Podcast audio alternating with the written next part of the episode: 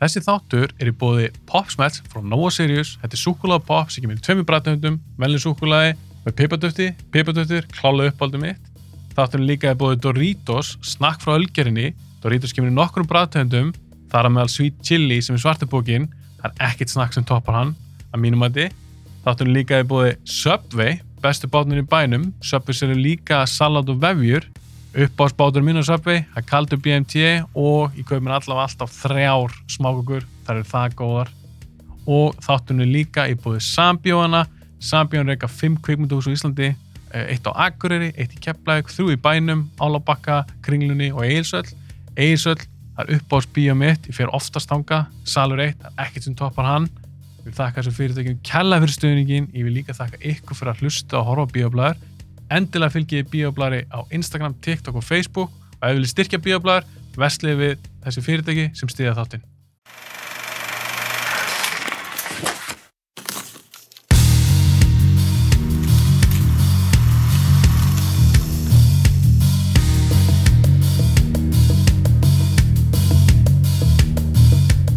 Hvað ætlar að gera, Óli, þegar Yu-Gi-Oh! bólurinn heiðilegst? Það þarf ég að aflýsa næsta þetta. Bara, ég, Það getur ekki komið aftur sem gestur. nei, þetta þetta er orðið þekkt sem Yu-Gi-Oh! bólurinn, eins og þegar ég sagði, ég glemdi bollanum mínum alltaf í eigum og ég let mömmu vita að bollin var eftir, hún heyri bólurinn og fer að leita að Yu-Gi-Oh! bólnum. Ég þurfti ekki einu sinni að segja Yu-Gi-Oh! bólurinn. En hún vissi að það er Jó- Yu-Gi-Oh! slash sko. bioblæðisbúna. Mm Þetta er bara, þetta þetta er líka eina skipti sem ég er í þessum ból núna, hann er bara fyrir tilöfnið, sko. Og bara taka það fram strax fyrir þá, Mm. þá sem er að horfa á hún þátt. Þú ert í hún, þó sem þið ykkur í peysu, Mhm. þá ert í bólunum. Já. Já, það er staðfest. Það er staðfest, ég, get- ég get sýndir það eftir. Það er bara að hitna vel í Já, kóðan. ég er alltaf, ég, ég be- fer alltaf, ég mæt, þetta er lúkið sem ég mæti alltaf í í bíoblæður, sko, sem fer ég alltaf svona gradually úr. En þú voru aðeins að segja um frá því, þú varst spottaður en daginn. Hvað gerist? Mhm. þetta, er, þetta er mjög skemmtilega að segja, ég var að, ég er náttúrulega fluttur til Reykjavíku núna, Mhm. sem þýðir að núna verð ég í svona öðrum hverjum þætti eða eitthvað. Þú voru alltaf í þáttunum að verða.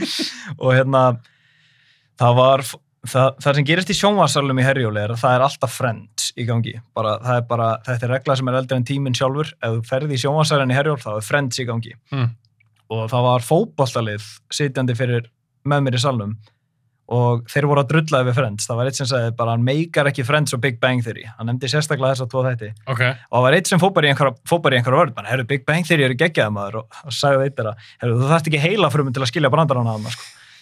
og þá byrjaði ég bara að hlæja Mm. og ég byrjaði að glósa niður það sem þeir voru að segja mér fannst þetta alveg geðið fyndið ah, og það var ekki fyrir en sko, þessi sá sem var að venda Big Bang þegar hann fór eitthvað út alltaf bara að hóða sér loftið eða eitthvað og Friends var ennþá í gangi Ah. svo snúaði þessi við og bara svona hei hvert fór, ég man ekki alveg hvað hann hétt sko Mm. það var bara hvert fór Maggi og það sa- sagði eitt er að ja, ég held að Friends sjó flókið fyrir hann og ég, ég, ég var að drekka Gatorade og ég bara, ég tók næst í spitt ekki bara þú veist. og ég þurfti að spyrja strákar, hvaða hvaða lið eru þið? Ah. og þeir eru, við erum hérna, við erum HK og ég sagði, já, ég, ég er nefnilega, ég er að fara í podcast á miðugudaginn og ég vil, mér langar eiginlega að vitna í þetta þannig að ég vil ekki vera að vitna í rántlið Mm. og það er sérstætt sjátt á þetta og Kára í HK, sá sem sagði þarna að Friends er og flóki fyrir félaga sinn, mér finnst þetta Ah. ógeðslega myndið en eftir að ég sagði þetta, þá snýri eitt er að sér við og bara svona, hei, já, shit, þú ert þarna þú ert í bíopodcastinu, það ekki? og ég sagði, jú, ég er stundum í bíobláður og eitt er að kom, veitu, hver er þetta, segir þetta er hann að Batman sérfræðingurinn það er mega hrós mm að vera tillaði Batman sérfræðingur. Jöp, Ertu bara orðin bara celebrity bara út á það þá? með sínist það sko. Allan hjá ákveðnum Mm. fótballtaliðum. Já, svo var ég meina sögu fyrir þig, svona áður en við förum í topic þáttarins. Hvað er með það? Ok, þetta er gáfaðasti brandari sem ég hef einhvern tíma sagt Mm. og ég sagði hann bara uppátt við sjálf á mig og var enginn í kringum minn til að heyra hann. Ok, nú fá fleira að heyra. Já, hefur einhvern tíma bara sagt svona kvippað við sjálfa þig eða bara svona þú veist, talað uppátt. Já, en þú veist, maður tala allt upp á, Mm. maður er að hugsa upp á. Já, það var svona... en hérna... Uh, já, já, maður er auðvitað gert það. Já, en hérna sem sagt, ég var á hraðbrautinu, ég var á leiðinni niður í skeifu eða eitthvað Mm. og ég stoppa á rauðu ljósi og það er, það er því miður hann að leita að segja, það var, það var róni á miðjum veginum, alveg, miðjum veginum var lappa á móti umferðinni og ég bara svona, what the fuck, þetta er Stór hætlu. Já, ég var bara, ég vissi ekkert hvað þetta að gera, sko, ég horfði, en svo því meira sem ég horfði á hann, þá hann var að labba í áttin að bílnum mínum. Ah. Hann var að labba í áttin að mér Ah. og ég var á rauðu ljósi og ég hugsaði, shit, hann er auðvitað að fara að spura hvort ég les Söttur Kane eða eitthvað. Var það það sem hugsaði fyrst? Já. En þú voru kannski útskýrna brandar fyrir það sem að þekki ekki Já. In the Mouth of Madness. Já, þetta er, þetta er brandar fyrir hardcore horror aðdæðandur. Þetta er úr hryllingsmyndinni, Lovecraftian hryllingsmyndin hans John Carpenter's In the Mouth of Madness frá 1994. Það sem kemur heimilislaus maður og brýstinn á veitingastað og spyr aðalkarakterinn okkar hvort hann les Sutter Kane. Mhm. Og þetta var það fyrsta sem ég hugsaði þegar gæðin var að koma í áttina á mér. Bara, shit, hann er að fara að spura hvort ég les Sutter Kane eða eitthvað. En það segir mér að þinn haus Mm. sést þú fullur af horror. dóti. Mm Já, það, það vil enginn skoða hvað er inn í hausnum á mér, sko. Það er einhver hrærugröndur af einhver ógi. Já, ég er náttúrulega, ég skrifa hrottveikjur. Ég, ég þarf að vera pínu trublaður í hausnum. Ég veit það. En það er einhver svo gaman. Við tókum saman, ég, þú og Máni, Mhm. horror þátt. Og það var svolítið svona alliða. Við tókum, við tölum um alls konar hammer, nútíma horror, alls konar dót. En í dag ætlum við að tala um 80s horror. Já, að því, að því það hefði ekki verið tíu myndir til að gera úr 90s horrorlista. Já, áður en við förum í 80s stótið þá langar maður aðeins að ræða við þess áriði. mm -hmm. Þegar þú hugsar um gott horror, mm. eða góðan horror, fer hausegin svolítið í 80s. Já, það fer í 80s, að, aðalega fyrir qualityð, Mm en síðan myndi ég, ef ég þyrst að nefna svona þrjá áratugi, þá verða þör- 30s, 60s og 80s. Þört í áður, ekki 70s. Nei, af því uh, 70s kannski, en ég hugsa meira svona, ég er náttúrulega hugsa meira að 30s varandi Universal skrimslun svona, svona uppbrunni Já, old school. hrottveikjunar Mm og 60s, en það er náttúrulega bara því ég er hammerhaus. Ok, ég á ennþá eftir að sökka um það. Mm. En þú gafst mér brjálaslega flott sett. Ég á eftir að taka þær allar í röð. Gekkja sett, sko. Og einhvern tíma tökum eitthvað svona hammer þá. Mm. Er það ekki möst? Jú, ég held að það sé Upp á maður. djóki. Já, það væri, það væri ekki þáttu fyrir alla, en hann væri fyndin. Já, þó þessi bara þáttuður mjög á þig, þá vil- vil ég samt gera það. Mm. Ok. Mánu mitt vildi gera hammerhátt, það myndist á það í Batman þetturum. Já, mánu verið pott með okkur. Ef, ef við gerum hammer, þegar við gerum hammer, Þegar, það er ekki DF. Það er ekkert ef. Ok, 80s. Mm. Þú kýst það, þann áratu frekar heldur en 90s. Já, 90s er s- sko sorp áratugur. Fyrir horror. Fyrir horror, fyrir margt annað.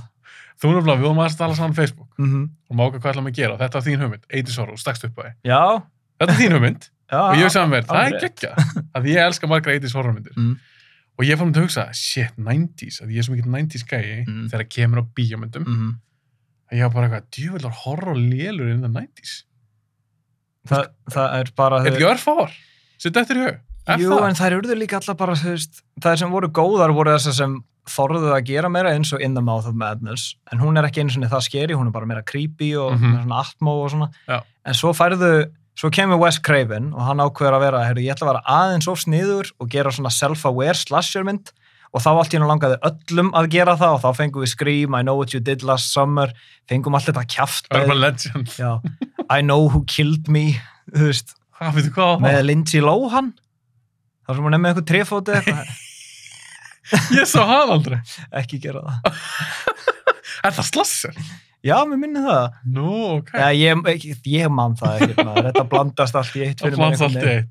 Akkur er svona mikil munur á 80s og 90s? Í samt að horfa. Mm. Hvað gerðist? Var bara búið, bara, var Ex, bensinlausir bara? experimental 80s er miklu meiri experimental áratugurum fyrir hróttveikjara því þá þetta er líka síðasti verulega góði áratugun fyrir practical effects að því það 80s er practical effects extravaganza að því tölvubreddur voru byrjaðar að detta svolítið mikið inn sérstaklega eftir Star Wars og mér finnst eins og því 80s var áratugurinn sem var að segja við ætlum ekkert að nota neina fucking tölfur alveg við ætlum að sína þeim af hverju við þurfum ekki að nota tölfur þá Mhm. færðu myndir eins og þú veist The Thing Já. sem er bara og alls konar öðru myndir ég, nefnilega, ég var næstu búin að nefna hellinga myndum en þær eru allar á listanum mínum ekki, ekki rann það. Nei. Við veitum hvað það er að tala um. Já. Þetta var bara praktikal, þú varst með eitthvað svona animatronic dót, make-up, gerfiblóð. Það var svo skemmtilegt. Já, segja það sem við viljum frætið 13th myndar en, en örin í gegnum hálsin, þetta er æðislegt special effect Já, og það var ekki þannig kefið bacon. Það tekur, Jú. liggur rúmunu þannig og, Já. já. þetta er geggjað effekt, ég náttúrulega ég hata frætið 13th myndar þannig Þess vegna kom ég í kemkristall leikból fyrir rjóli ég er alltaf að með svona hot take um daginn á Facebook það var, segðu þið eitthvað um eitthvað franchise sem mun pyrra áhörðandópinu og, ég- og kommentum mitt var það er ekki til góð frætið 13 grund og ég las það komið og ég var bara eitthvað, Óli, jú fyrsta er skemmtileg það sem ég svo fyndið við fyrst er að hún reynir að vera mördur mystery, svona who done it, hver allir morðingi sé og sé hann allt í hennu randomli í þördaktinu, halló, ég er ungfrú Vorhís, karakter sem enginn hefur séð áður í myndinni hver allir morðingin sé oh. ok, ég er nefnilega hún er á listana mínum mm. ég er alltaf, fólk hefur gaman að þessu og það er alveg ástæða fyrir, ég bara meiki ekki þessar myndir en þú ert náttúrulega bara yfir höfu ekkert mikið fyrir slassir nei, þetta er ekki minn geiri sko. er það af því þær eru alltaf, þetta er svo mikla formulmyndir gæti bara verið formálan og mér finnst þetta ekki búa til nóg mikið rúm til að búa til karaktera já, þú- þetta er bara svona fórnulömb Já, af því, veist, fyrir utan fyrstu að Nightmare on Elm Street myndina, getur hún nefnt með karakter úr einhverjum af hinnum myndunum. uh, jú, Nancy sem, sem kom síðan aftur í Vá! nei, góðu punktur Wow! af því þetta er bara, ég held að Roger Ebert sagði þetta best, hann var að tala um Friday the 13th 5 eða eitthvað, uh, það bara, það skiptir ekki máli hvort þessi karakter sem er gól í lífinu, hvort hann langar að, að þau- þau eru með drauma, ertu, þú veist, átt, ertu í sambandi, líðu þau vel í lífinu, það skiptir ekki máli, því það er bara einhver gæmi hokkigum að fara að hakka því í sundur. en það er alltaf því að horfa á þessar myndir Mm. Skilur, það er ánægins ég fætur þessu. Já, eins og ég segi, ég er ekki að nokka á fólk sem hefur gaman að þessu, af því það er auðvitað eins og ég hef gaman að hammermyndum. Mhm. Það er auðvitað fólk sem myndi sko lemja mig í klessu fyrir að segja að ég hati Já, Friday the 13th en elska hammer. já, já. já. En, en, en sem það eitt, Mm. fellur Halloween líka hann, undir þennan hatt, að þú veist, þú- þú er ekki frætti, Mm. er það líka Halloween, er það líka Nightmare on Elm Street fyrir utan En fyrstu? alltaf, fyrsta Halloween myndin er bara góð mynd, finnst mér. Það þurfum. Finnst þú hún eldast vel? Ég get ekki sagt það. Nei. Ég er sammálaði. Fyr, fyrir utan bara atriðin með Sam Loomis. Þau eru Já, náttúrulega- já, já, já. Hann er, alltaf, hann er rosalur í þeirri Hann mynd. heldur þessari mynd alveg uppi, Já. sko, það fyrir að hann fekk ekki illt í bakið hvað hann kæriðar hann, sko. En hún til dæmis, við erum kannski eftir að tala um hana því hún er, hvað, 78? Mhm. En ég er stutt með hana. Mm. En það er svo stutt síðan ég sá hana. Mm. ég hef ekki séð hann í mörg ár ég var að sinna kæristinn fyrst skipti, ég aðeins nefndi í podcastinu og ég bara, ég skamma þessu að því við vorum að, við vorum að hita okkur upp Ég skammaði já, ég, við vorum að hita okkur upp fyrir þess að þess að nýju sem kom út í, fyrir tveimur árum með mm. Mm, og ég sagði kæristinn, herri þú verður að sjá allavega fyrstu Mm. og hún var til í það ok. og við horfum á hana og finnst það, mér, var, að- mér leið svo illa að því ég var bara, eitthvað, þessi mynd ég, ég virði hann alveg Mm Fyrir það sem hún er og það sem hún gerir fyrir sinn tíma. á sínum tíma en hún er fucking leiðileg þessi mynd Alveg, hún er með Donald Pleasence sem samlúmis, hann er æði og, búið og, og soundtrackið. og soundtrackið það er samt eitt sem ég skal gefa Halloween. Hún er með eitt soldið sem eldist vel, en það er bara maður þarf að vera með sko háskerpugleru til að fylgjast með þessu. Hvað er það? Michael Myers er alltaf, al- er alltaf svona looming í bakgrunum einhver staðar. Ekki í öllum atrum, en stundum er bara eitthvað atru og hann er bara aðna. En það er svolítið skrítið þegar hann keiri bíl. Já. Ég var búin að gleyma því. Mm -hmm. Hann keiri bíl. í Alveg, fyrstu- hvenar fekk hann bílpróf? hann er búinn að vera á institution síðan hann var sex. Og okkur kann hann að keira. Já. Var bílinn sjálfskiptur, beinskiptur? Ég þarf svör! Við þurfum svo erum við að hala mín. Það er náttúrulega ekki erfitt að keira sjálfskiptan bíl, sko, en ef þetta var beinskiptur þá eru komin út í allt annað problem hérna, sko. Já, hann, hann læri það ekkert bara allt. Nei. Já, nú, nú leitni, sko. Ó, það er enda verið svolítið fyndið ef hann hefði verið á beinskiptum og alltaf svona, vrt, vrt, svona að drepa á honum. Dregur svolítið mikið úr honum sem einhver killar. En já, spurningin mín var, mm. Mm. setur þetta bara mest allt undir sama flokk eða finnst þér fræti bara langlýðlegasta? Ég set frætið hann undir, undir þetta því mér finnst engin mynd í þeim fransesi góð. Ekki einu svona, sko Jason Lives, er, hún er æðislega fyrir það sem hún er, en mér, ég, mér finnst svo leiðilt að myndir eru pínur svona aðeins of self-aware, eins og hún byrjar á þess Jason lappa fram með myndar og sker í hann eins og James Bond. Veitu hvað, Jason lives? Hvað? Jason Lives, ég held að það sé myndum að sex eða eitthvað. Já, já, það er svo Og marg. það er gæi sem er að grafa upp einhverja gröf og hann er að tala um að það er alltaf verið að drepa eitthvað fólk Ah. og síðan starra hann bara í mynda og hann segir Some people have the strangest idea of entertainment og ég bara svona fyrir hvert var þetta? Fyrir okkur. Já, en þetta er bara veist, eins og ég segi, það er ekkit pláss fyrir karakter og neitt, neitt þarna, en þetta er bara líka, ég held að það séu 15 karakterar í frætið 35 eða eitthvað Er það? Já, það voru gæðir sem þetta Red Letter Media og þeir voru að tala um frætið að 13 myndar og Ah. það var eitt gæði með svona tjart til að reyna að muna hvaða karakter var í myndinni. Það var svona, þú veist, alveg, byrju, alveg, já, byrju, alveg, það var í þessu atrið þegar svo blankar hann svona, hann veit ekki hvað hann á að segja og gæðin liftur upp tjarti. Já, þessi gæði, hann var í þessu. Þú veist, þetta eru biljón manns og, þú veist, og tólfaðum degja, þetta er svo mikið. En eins og bara Jason Voorhees sjálfur. Mm. Ekkert cool look við hann, ekkert svona, Jú, ég, ég, ekkert skemmtilegt við hann. ég, ég hef gaman á lukkinu en, sorry, en hvað er Jason Voorhees? Yfir náttúrulega morðingi.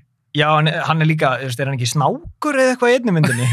Já, Jason goes to hell. Jú, það sem hann, þú veist, fer inn í líkamann á fólki og það breytist í hann og fær hokkigrímuna líka og ég er bara svona, hvað er ég að horfa á?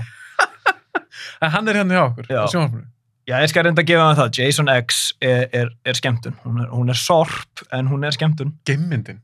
Já, þú veist, hva, hvað voru þeir að hugsa? Af hverju var alltaf að vera að senda horrorkaraktera í geimin? En þau sendu Pinhead líka. Ha, já, Pinhead. þeir sendu Pinhead, þeir sendu Leprechaunin í geimin. Freddy Krueger fór aldrei út í geimin sem betur Það fer, er hann fór aldrei út í geiminn. sem er skrítið að því fá geimfara aldrei martraðir. Ef þú gæti leikið með það. Já. Klálega, alveg klálega. Ég væri til í að segja það. En þá er ég líka að spyrja þig. Mm. Freddy vs. Jason. Mm. Það er ekkert gana henni. Jú, hún er svolítið skemmtileg. Ég skal, Já. ég skal gefa það það. Hún, Hún, er svolítið Hún skemmtilega. er æði. En hún, kann- hún kannski telst, hún er svolítið fruðutan kannski. Hún er ekki beint sér, Þeim, lang, partur sér. þeim, þeim langaði að gera aðra. Þeir vildu gera Freddy vs. Jason vs. Ash. Og ég hef kæft miða strax. Já, ég, pff, þú þurfti að vera undan mér.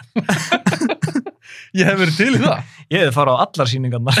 Já, Akkur gerður það ekki? Ég veit, þú veist að því, þeir eru búin að fara nógu langt. Af hverju ekki að fara aðeins lengra? Já, það er engin mörk, skilur við.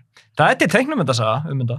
Já, ég, ég, hef ekki- ég hef ekki lesið hana. Hefur En- eitthvað lesið hana? Kynnt hana? Nei, sko, það er bara artur ekki. Já, og En- glata. Eða töf. Þetta, þetta, er, þetta er bara nákvæmlega eins og myndin. Þetta er bara shameless. Bara svona Bara cash grab, eitthvað. bara svona smá skemmtun, bara heilalög skemmtun Að því að Freddy vs. Jason, ég er ekki setið sér eitthvað að hágeða kvikmyndastöf. mm. En ég maður þess að hann í bíó, varst það skemmtileg. þetta er skemmtilegt sko Svo horfði ég á hann á DFT, Mm. varst það E, skemmtileg. mm Horfði ég á hann aftur á DFT, varst það E, skemmtileg. sem er líka, það verður svolítið skemmtilegt þegar við förum út í listana af því ég er ekki að ranka myndirnar yfir hver, hversu góðar þær eru endilega En bara þínar uppáhalds. Já, þetta, þetta, þetta er meira svona, það er, það er myndan þú teira kannski hver nummer sjör og þú verður bara, finnst þér hún betri en nummer áttal? Nei, en þetta er, hún er þarna upp á skemmtanagildið. Já, Þetta er, en listin á var þannig. Já, sumar eru, varandi, sumar eru bæði quality og skemmtanagildri og svo eru hinnar, þú veist alveg, er, setur þessi við þessa? Já, skemmtanagildi. ég meina, ég meina mynd sem kannski ég mynd nummer 5 eða eitthvað, Mm. sem er miklu betri mynd en kannski sem er nummer 3 eða 4 hjá mér Já. og þetta er alveg betri mynd en fyrir mér, þetta er minn persónali listi Mm. og við erum sérst með, fyrir það sem er að hlusta núna við erum með topp 10, þínar uppáhalds 80s horrormyndir og svo hjá mér en Friday the 13th, við skulum bara klára það Mhm. það er nummer 10 hjá mér, Er það nummer tíu? Já, þess vegna vildi ég tala þessum Jason Úff. Núna veist þú hvernig, þegar ég var að drullu við frætið 13, núna veist þú hvernig mér leið í þætti 100 Já. þegar allir voru að drulla yfir The Last Jedi og ég satt hérna út í hotni og þú bara, já en þið líka við það núlega, það ekki? Oh my god, Hastur, ekki skjóta þessan á mig. stillaður við vekki með þetta Já. ok, nei nei, við erum, sko, málega við erum oft sammála, en við erum líka alveg oft ósammála Mm. það er bara gaman og við erum ekkert að reyna að sannfra hvernig annan um eitthvað ég er ekkert að segja þig, Já. fræðu það stíð Já. þig geggjum minn Já. En meira þess að jafnvel áður en ég vissi að þetta var nummið tíu þá sagði ég að ég er ekki að nokka fólk sem hefur gaman að þessu. Þetta er bara engan veginn fyrir mig. algjörlega, það sem ég hef gaman að ég veit þetta eru formulmyndir, það er kannski það sem ég fíla við svona slassamyndir Já, kannski er stundir líka bara gaman að horfa á formölmyndi og þú veist að þú ert ekki að fara, það, þú veist nákvæmlega hvað þú ert að fara að fá og þá getur bara aðeins að leifta að slappa af yfir því. að, að, þú varst að lýsa nákvæmlega það sem ég ætla að fara að segja og það er fyrir mér þetta stundum bara svona heilu skemmtun ég get svolítið svona kvílt hausi minn, ég Já. þarf ekki að pæla mikið í myndinni Nei. og ég er bara að sjá ykk, oftast eitthvað creative kills Mm. eitthvað gæmi, eitthvað grímu og þú veist, ég er bara gaman að Já. því en þannig eitt sem við verðum að taka fram í samtum við Friday Mm. og ég veit að þú veist þetta, það er ekki sum sem við ekki, en hún var alltaf bara búin til út af Halloween. Mm. Bara Halloween var vinsæl og við ætlum bara að gera okkar morðið ekki með grímur. Shameless. þeir allan að viðkjöna, mm. -hmm. þeir með eiga það. Já, þeir eru viðkjönda það. Finnst þér ekki líka magnað að Jason fær ekki hokkigrímuna fyrir henni í þriðju myndinni? Jú, en ekki með póka í tvö. Jú, Eitthvað svona- það er einhvern veginn að bauna póka eða eitthvað. ég verð samt að segja, það er, mér finnst það óþægilega. Já, já þeir eru ekki með, þess að þeir eru með póka. Já, mér finnst, mér finnst það betra. Meira skeri. Já, því þú veist, ho- hokkigríma En það var svo töff. mér finnst það svo Þetta, þetta er töff, en þetta er óþæg, ég, mér myndi finnast það óþægilegur gæði með póka á hausnum væri að koma á mér en gæði með hokkigrimu. Af því þegar ég sé gæði með hokkigrimu, ég hugsa Casey Jones úr Ninja Turtles. sem er ekki skýri en ok, og þið finnst pókagæðin þess að póka útgáðan Jason flottri þú vilja að hann hefði frekar bara verið með póka restina af myndunum Nei, e- ekki restina af myndunum kannski, en þú veist, ef við erum að fara yfir myndir, þú veist, 1, 2 og 3 og svona, ef við förum bara frá 2, það erum við með pókan og síðan 3 og út erum við með grímuna hana, mm -hmm. þá bara svona, mér, fa- mér fannst skemmtilegt að, að hokkigríma varð jafn iconic og hún er, en mér fannst, mér fannst hann óhugulegur með pókan að þér, en hefði hann bara verið með póka hausnum út alla myndinar, þá, þá hefði þetta orðið kjánalegra. Ég held ég prefera þetta meira að því að þetta er bara þetta eina skipti. já, ég skilji, ég Svona, skilji. svona eins og Batman Begins búningurinn og Dark Knight búningurinn. Við, við sjáum Dark Knight búningin meira. já, já, já, ég skilji, ég skilji en sástu þeir gerðu var þetta ekki bara svolítið svona reboot 2009 Jú, 2009. sástu hana? Já. fannst hún hræðir? Hún er alltaf læg. þú er svo greinlega ekki fan já, hún er allt í lagi Já. mér fannst það skemmtileg Já, gæði sem leka fannst mér, mér fannst hann góður, hann já. er stór og hver- mikill Hver, hver leikur hann? Það er náttúrulega Billjón hans búin að leika hann að gæða. en Kane Hodder leka hann alltaf oftast Já, já hann hann leik- leika hann hann- alveg fjóru húnum eða eitthvað. Já, hann heitir Derek Mears sem leka hann í en- eh, í- Kane Hodder fekk líka ekki að leika hann í Freddy vs. Jason sem mér finnst bara synd og skömm. já, þú hefur vel að hann hefði leika hann í þeirri mynd Já, ég meina þú ert búin að fá að leika hann oftast, af hverju færðu þá ekki að leika hann í stærstu myndinni? en ég samt sko þetta hljóma ekki að skrýta því að Jason er engin karakter þetta er bara gæi, þetta er bara stöndari Mm -hmm. en Kane Hodder var svolítið svona short and stocky Mhm. ég fíla frekar Jason sem Það er, svona hávaksin já, það er meira hætta í honum. já, hann er svona stór og hávaksin Hann alltaf hérna framleiti, hérna Michael Bay framleiti remakeið já, og ég er náttúrulega, ég er pínur svona defender of Michael Bay en það, það, er, það er fyrir Annað tíð, podcast. það er, það er, það er spjátt fyrir setni Þegar við tíð. tökum Michael Bay podcast ekkert mm. Mm. en það sem ég fílaði í þessu rebooti mér finnst það reynd, hún er aðeins svo löng Já, en þess að það var flott kill síni, mér finnst hún skemmtileg nokkuð brandara góðir, hann var, mér fannst hann ókveikjandi, Mm. Jason sjálfur já, það er eitthvað sem ég skal gefa þessum svona new wave þegar þeir voru að endurgera göm, gömla hryllum, þeir endurgerðu Halloween og þeir endurgerðu Texas og svona þú náttúrulega jafnar ekki á við hversu ógeðslega fyrsta Texas Chainsaw Massacre myndin er, hún er Mhm. en það sem ég fílaði við Rob Zombie Halloween endurgerðina, hún er ekki góð en hún síndi aftur að Mike Myers karakterinn er eða Michael Myers karakterinn er hættilu Mike Myers, Austin Powers hérna. en ég fatt, ég skildi já, já. en að Michael Myers væri hann bara hættulegur og bara svona presence að því síðasta myndin sem hann hafi verið í þá var Busta Rhymes á lumbráunum Trick or treat, motherfucker hún var náttúrulega hræðileg. ja, með verri myndum sem ég á að æfu minni síðan sko en ég mun alltaf verið að sjöndu myndina, ég held að það er sjöndu myndin hvað, H2O? It's two. Já, hún er æði Já. það er líka svo svakaleg 90s Halloween mynd, Mhm. við það svo mjög skemmtileg þannig að já, Halloween Michael Myers, Jason Voorhees mér finnst bara með þessar þessi reboots, þessar endingerir mm. ég hata Nightmare on Elm Street endingerina Já, mér mér ástæðan alltaf lag þegar fannst hún alltaf leið Já, bara því mér þetta er náttúrulega bara beat for beat nánast sama á upprunalega myndin en mér fannst Jackie Earl Haley æðislöður sem Freddy mm -hmm. hann gerði Freddy creepy aftur hann var ekki teiknum þetta fígura og mér fannst hún gera interesting visuals varðandi þarna þegar þau voru svona gátt ekki haldið sér vakandi Mm. og svona þau voru í svona, svona apoteki og þetta byrjaði að breytast í hérna boilerherbyggið hans mér finnst það ógeðslega cool Mm. en það er ein, þú veist, hún var með nokkur svona cool visuals og Jackie O'Haley var creepy sem Kruger en þetta er ekki góð mynd Nei, en ég hef ég hef séð hann alveg frekar oft þessa, ég veit ekki af hverju, er það? hún er guilty pleasure Hún er, þú, ert- þú ert að viðkjöna það í þættunum að það er guilty pleasure. þetta er guilty pleasure, ég veit ekki hann ég, ég hef séð hann oftar en ég, en ég ætti að hafa gert Finnst þú betur en uppráða?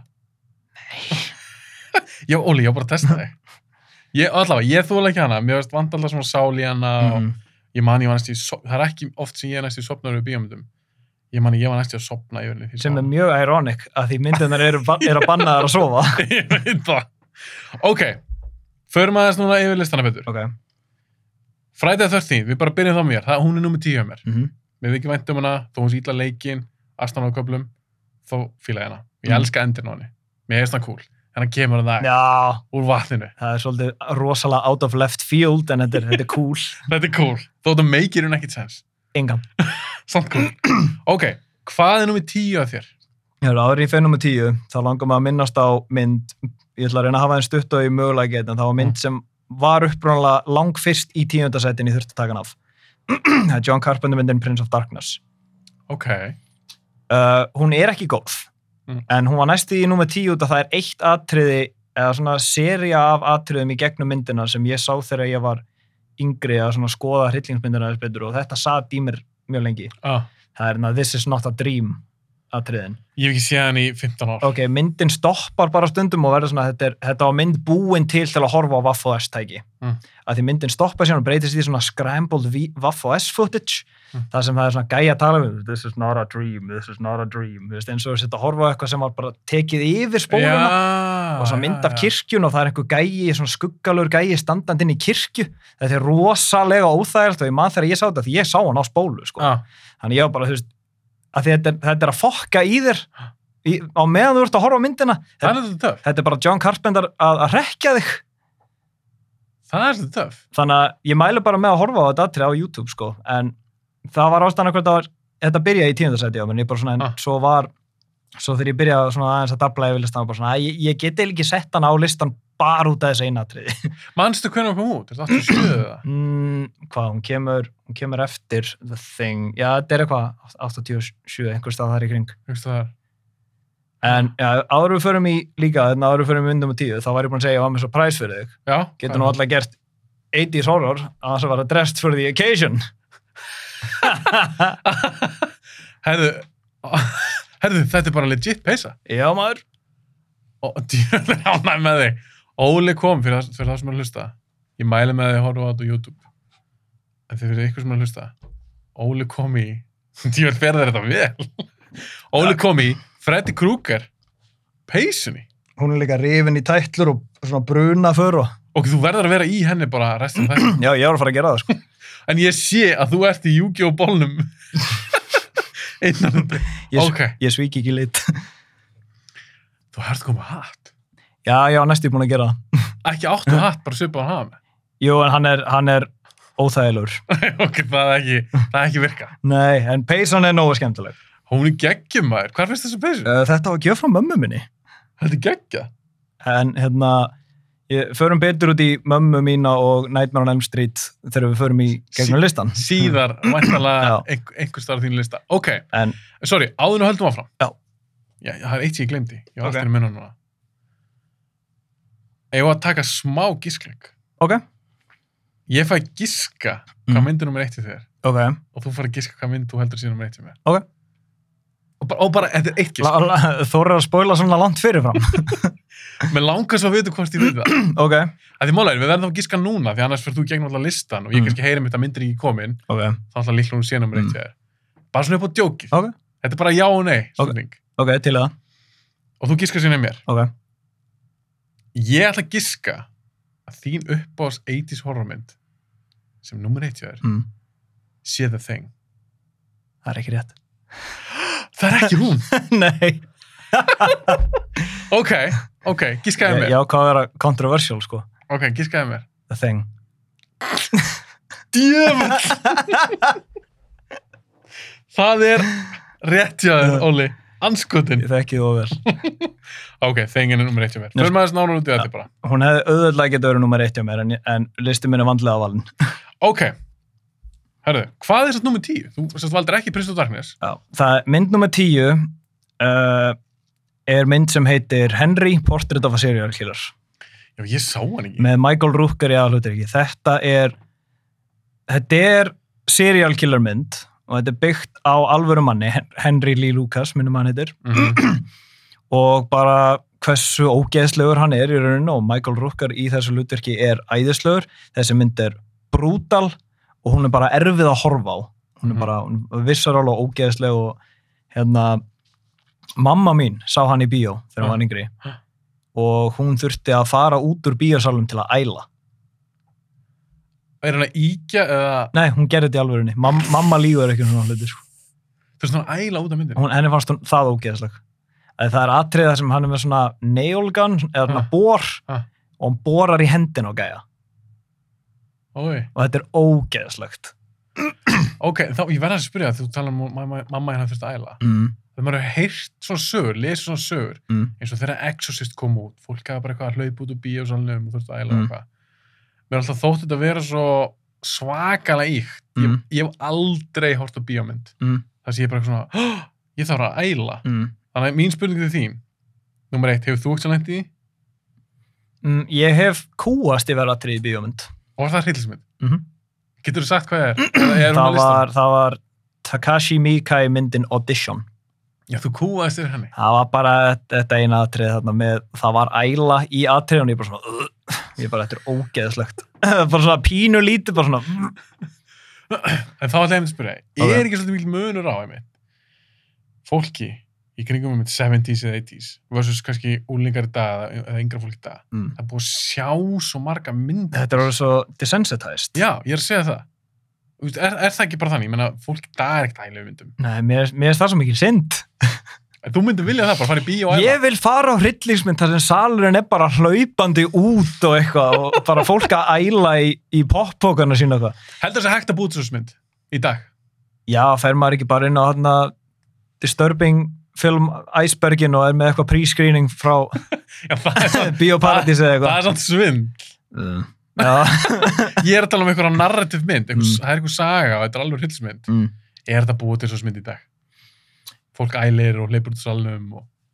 ég held ekki, ég held að síðast skipti sem ég heyrði af því gerast var á fyrstu Conjuring myndinni 2013, Að fólk er að æla henni? nei ekki æla og bara einn gæði sem hljóp út úr salnum Já, en mér, ég, mér langar í svona visceral experience, ég bara, þú veist, það er gaman að fara á hryllingsmyndi bíó, fólk er að, fólk er að vera hrætt og svona, mhm. en mér langar að sjá bara, bara fólk verða óglatt ég veit ekki af hverju, en þetta er bara svona mér langar bara að geta sagt fólki þá sögur bara, herru, ég fór á þessa mynd og fólk var að guppa hún er það Já. svakalega að fólk ældi. mér finnst það bara geggjað sko. en hérna, já, þannig að mínum með tíu er Henry Porter Henry. það var serial killer Uh, Ég þarf, ég þarf að tjekka á henni. Ég- Er, er þetta ekki svona fyrsta myndin að rúkar?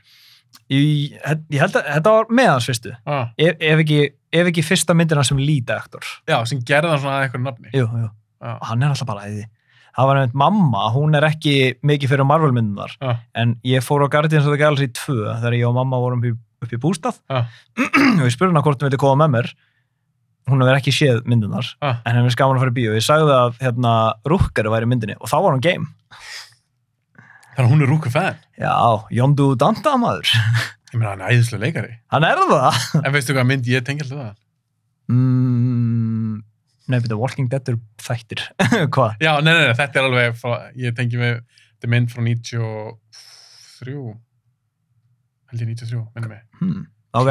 Cliffhanger, Já, alveg rétt. með Stallone, Auðvitað tengir þú hann. Uh, auðvitað tengir þú það. ég er 90s action Ég myndi náttúrulega, ég myndi aldrei tengja með það. ég tengi rúkar alltaf Það er svona sjarp munurinn á mér og þér. Vá, Ein, einhver segir Michael Rooker, ég kem, ah, að, hann hann ágeðslegi ráðmanningin og þú kemur, já, hann að gæðin í cliffhanger. gæðin í Cliffhanger. Já, bara, ha, Ok, Henry var nummer tíu. 10 hér, ok, og ég ekki bara frá nýju, Er þetta svona, já, við skiptist á, já, þann, þannig skipt. ég annars bara eitthvað, annars tek ég Já, allar já, þarna inn já, og þú nákvæmlega. allar þeirna, mér skemmt þess að Ok. skipta þessu. Yes. Ok, nummer 9 er mér mynd sem að, mér fannst ekki, það er bara svolítið síðan ég sá hana. Ok. ég þarf að rifja henni upp en hún situr alveg í mér hún er nokkur atriði og það er með þegar cool svona creature, creature design og, og svona spennandi dót hún er frá 1981 heitir The Howling Já, maður var alveg myndin. búin að sjá hana? Já, en ég hef líka séð Howling 2. ég sá, nefnilega- ég sá aldrei fráhansmyndar Já, með henni, hérna, Sybil Danning. er hún í nú, Ég held hún sé í Howling 2. en hvernig fílar fyrstu? Það er bara, Óland sem sást hana já, mjög langt. það var bara svona þögn í podcastinu af því við erum bara svona hvor okkar síðan lengi já. En hún eftirmilja mér út af sérstaklega varulega hönnunni. Af því ég hef mikið verið varulega myndir. Mm. Ég þól, ástæðan fyrir því að ég, þú kannski ekki sammála, ástæðan að ég kýs frekar Howling, heldur en American Werewolf in London, Varum þetta að hugsa það, sko. að þær komu út til því sama ári. Já, á söpum tíma. Já, all, já hvort sem sama árið eða söpum tíma. Nei, byrja Amerik, jú, þetta er 81. Þetta Er, er það rétt. ekki báður að sé? Jú, ég held það. Já. Ástæðan ég kýs Háling og kannski við styrst að fála ástæða ég var aðeins talandi í podcastinu ég þól ekki varala svona á fjórum fótum Áhugavert. ég vil er standi á tveimur Það er endar, ég skal gefa það, það er, það er meira creepy. Er það ekki? Jú, svona eins og í Harry Potter 3. Það er Nákvæmlega, náttúrulega bara ógeðslegast í fokking varúlur í heimi. en hann er svona svona ógstleri Háling Já, en ég var, ég var rosalega hrættu við varúlun í Harry Potter 3, sko. Aha, En ég er náttúrulega, hún kemur hvað, 2005 eða eitthvað, þá var ég nýja ára eða eitthvað, fattur Þetta er eiginlega svona mitt að fyrsta exposure við varúlf. já, já, já en hann var tölvugjörður í Harry Potter held ég. Já. ah, Það- boring Það það dreifur svolítið úr þessu. þetta er ógstleri En nýja ára krakki tekur ekkert strax eftir því. Nei, nei, nei, ég veit það, ég veit það. Ég er alltaf, þegar ég er nýjára, þá er CGI-erinn ekkert komið almenlega. Nei. Þannig að, en já, mér finnst Valurinn í Háling æðislegur. Hann er creepy, hann er lengur svona löng eiru, Mm. mm. stór eiru, hann er svo ógistur einhvern útliti, þetta er praktikal, Mm. gæi ykkur búning og eitthvað. Ég elska þetta dótt. Er, er það uppáhalds þarna varúladesignið þitt í The Howling? Já, ég held það. Líka þá uppáhalds varúla transformation sequence. Því það er svo ógeðslegt í American Werewolf. Það er alltaf best í Amerikan Já, það er ekki, maður tekur það ekki frá þeim, sko. Það er líka, var ekki Rick Baker sem gerir það? sko kongurinn. Já, ég tek það ekki af þeirri mynd. Ekki miskilum mig, mér finnst það góð mynd, Mm en ég var alltaf tengt meira við háling mér var svona aðeins meira nasti líka Mm. að það er alveg smá svona svartur húmor í American Werewolf Mm. en í háling var svona hún var meira mín Veistu, ég held að ég hefði bara séð Howling 2, ég er ekki djókið þér. ef þú kannski ekki sé fyrst Ég hef kannski ekki séð fyrstu. ég þarf að rifja hann upp Veit ekki af hverju ég hef séð Howling 2 en ekki fyrstu. en ég heldur að gerða ég heldur að hafa gert alveg fjóra myndir það getur örgulega verið, ég man ekki af hverju ég sá Howling 2 til að byrja með. Nei, ég með ætlaði að rifja upp háling Mm. og ég ætlaði að, að down, nei, hérna, leiðin á iTunes Já. og og ég, það er rosa mikið úrval úrval á iTunes að þú ætlaði að borga fyrir þessar myndir Mm. háling 1 er ekki til en ég sá með þetta háling 2, 3 og 4 minnum mig Mm. Hvað ruggl er það? Okkur ekki orkina myndin til? Þetta er svo pyrrandi, þetta er svona eins og þegar maður er að leita spesifik mynd á Netflix og bara framhaldsmyndar eru. Oh. Eins og ég, mér langaði að fara að horfa á Mission, Impo- mér langaði að fara að horfa á Rogue Nation en daginn en þeir eru bara með fyrstu þrjár. Fáranlegt. ég er bara svona að því ég man hvað maður fannst að skrýta að því síðast þegar ég var að leita Mission Impossible myndunum þá voru þeir bara með 4, 5 og 6 á Netflix en ekki fyrstu þrjár og núna eru þeir búin að skipta ringnum Fá snúa.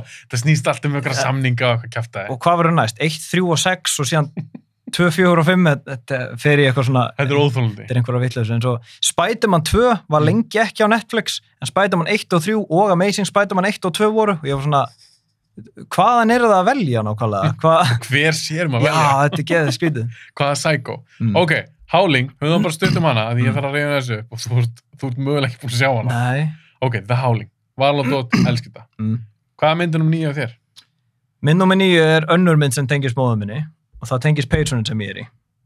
Sessan Nightmare on Elm Street. Það er að Nightmare on Elm Street. Hún er í níunda seti. Ok, hún er nýjunda og rankaði ekki herra. Nei. Ok, bara nei. Nei, sko, að því að, hún er alveg bröðtreyðandi mynd að Nightmare on Elm Street að því þetta er slassermynd en talandum að gera bara glænýtt og frumlegt approach á slasserun. Algjörlega. þetta er ekki bara einhver boogeyman sem getur brotist inn til þín nei, hann brýst inn í heilan á þér, hann bí- brýst inn í undirmeðundunar hjá þér með þú sefur og mér finnst það ógeðslega skemmtilegt, mér finnst hún ekki eldast það vel en ég ber meiri virðingu fyrir henni Mér þykir bara svo ógislega vænt um já, mér þykir líka mjög endum þessa mynd sko, ég meina, ég á peysuna hana. Feysuna. en neða bara, ég ber svo mikla virðingu fyrir þessa mynda því hún er svo öðruvísi en slassermyndir, þú veist, jú, jú, hún, brey Sammála. hún breytist náttúrulega í bara eitthvað einhverja þvælu Já, svona, þeir, svona fr- franchise já, þetta var bara bulla því þau, hætt, þau bara glemdu hvað þetta var í alvörunum Fyrsta er samt alveg skera á köflum. já, fyrsta er, fyrsta er æðislega sko, en hún er, hún er í nýjöndarsæti hjá mér bara því að því mér finnst hún ekki eldast jafnvel en, en eins og sé, ég ber nógu mikla veiningu fyrir hún og mér fannst rosalega gaman að setja tvær myndir efst sem eru báðar tengdar mömmu, Efist meina neðist. eða sem sagt- já, það er bara svona byrjandi á tíu Já, byrja, já, já, já, ég skilji, ég skilji. en það er þegar mamma var rosalega hrætt við Freddy Krueger ég sagði þér þetta í lang fyrsta þættinu mínum hérna að þegar hún var yngri þá var hún í svona slumberparti með vinkonu sinum og frændennar mætti fyrir utan gluggan hefðum klættur sem Freddy Krueger Ó, ég var búin að gleyma þessu. Ég sagði það fyrst þetta um okkar. já Mhm. Paldið, það er næstu í ár síðan. mm -hmm. það er brjála En já, fr- Nightmare on Elm um Street, hvernig finnst þér hefði langengamp vera? Mér finnst hún allt í lagi. Þetta er náttúrulega besti leikarinn í þessari mynd var ferskasta andlitið og það var Johnny Depp. Hann er Já. frábær í þessari mynd. Finnst þér John Depp betur en Robert Englund sem Freddy? Nei, þú veist, af Já, krökkunum. krökkunum, já, já, já. Þetta er náttúrulega introducing Johnny Depp. Já, já, algjörlega. Og en náttúrulega Robert Englund er æðislegur í þessari mynd. Finnst þér ekki líka magnað að í fyrstu myndinni þá heitir hann Fred. Hann er bara Fred Kruger í myndinni. Jú. Hann er með þess að kreditaður bara sem Fred Kruger. Það er rétt sér, ég var búin að gleyma einu, það, er- það er rétt sér. Það er eitthvað sem stóð alltaf út um mér af því þegar ég sá fyrstu myndina þá segir hún hérna Fred Kruger. Já, bara, heitir hann ekki Freddy? Fattaru? Já, já, já. Var það síðan kannski bara í, Ég held hann segir Come to Tvö. Freddy í fyrstu myndinni eða eitthvað en en það er eitt visual í þeirri mynd sem satt rós í mér og það fokkaði mig smá upp því á rúlingur. Ég sé hann nefnilega því ég er, ég hugsi ég sé 13 ára. er Ég- það löngu Já. höndumars. Ég vissi að það var að Já, segja þetta. hann lappar eftir eitthvað svona Já, af því ég er alveg eins af því ég er náttúrulega að hata langar hendur. þú hat, þess að bara yfir höfuð Nei, bara, ég sagði þetta líka í fyrsta þetta, mann, það var svona martröð sem ég fekk um svona einhvern skugga með Já. gett langar hendur. já, ég, ég myndi, voru töluð þá kannski um freddi líka Nei, þetta var bara eitthvað svona, ég myndist bara á þetta með, hérna, draumin já, og hérna, mömmu og prakkaran hann, ah, frændan. já, já, já. ok, þú varst að fatta hvað aðrið á tannum Já, ég bara um leið og sagði þetta, sko. það, en, en svo er líka töff þegar að hún er, ég man ekki hvað hann heitir stelpan er drepin, ljósa það mm, þegar freddi tekur hana upp í lofti já, það er alveg, þetta er cool visual mm, að, því, að því við erum bara að sjá hvað er að gerast í alvöru heiminum. Við veitum ekkert hvað hann er að gera við hennar í draumónum. nei, Mér finnst það svona creepy implications, mm -hmm. að þetta skilur, það gefur manni meiri tíma til að svona ímynda sér alveg, oh my god, hvað ætla hann sé að gera við hana í alvörunni? já, Mér finnst það ógeðslegt sko og þetta er, það er líka svo hann hérna Wes Craven gerði svolítið svona interesting hluti fyrir hérna hryllingsmyndir á þessum tíma varandi sérstaklega að það er skot í þessari mynd þegar Nancy sér vinkonu sína þarna í búðinni, neða á ganginum bara í einhver svona líkpoka Já, blóðum já, og þetta já. dregst bara eftir gólfinu þetta er rosalega innovative, þetta er bara svona creepy visual, bara til að vera creepy visual já, og eftirminnlegt mm og líka, þú veist, hún veit ekki hvort hún sé vakandi eða sofandi mm -hmm. og já, þetta er bara þetta er svo frumlegt þess vegna ber ég svona mikla virðingu fyrir hátna Nightmare on Elm Street af því hún er svo rosalega frumleg mér finnst líka, það er eitt eftir smáatri mm. ég elskan það titil, Mm A Nightmare on Elm Street þetta er öruglega uppáhalds kvikmyndatitillin minn ever finnst þér hann flottara en að því ég er alltaf með, það er eitt titla sem ég er alltaf með í huga Ok. ef við erum bara að tala um titla Já.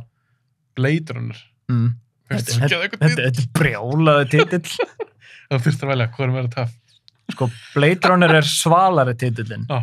en ef, þú mynd- ef, ef ég aldrei séð kóruar og ég er spurður hvað langar það að sjá í kvöld Blade Runner eða A Nightmare on Elm Street en það er líka þú horror gæði mm. og Nightmare on Elm Street Mm. hljómar svo Mhm. hryllismynd en það er eitthvað bara viðna til að Nightmare on Elm Street -hmm.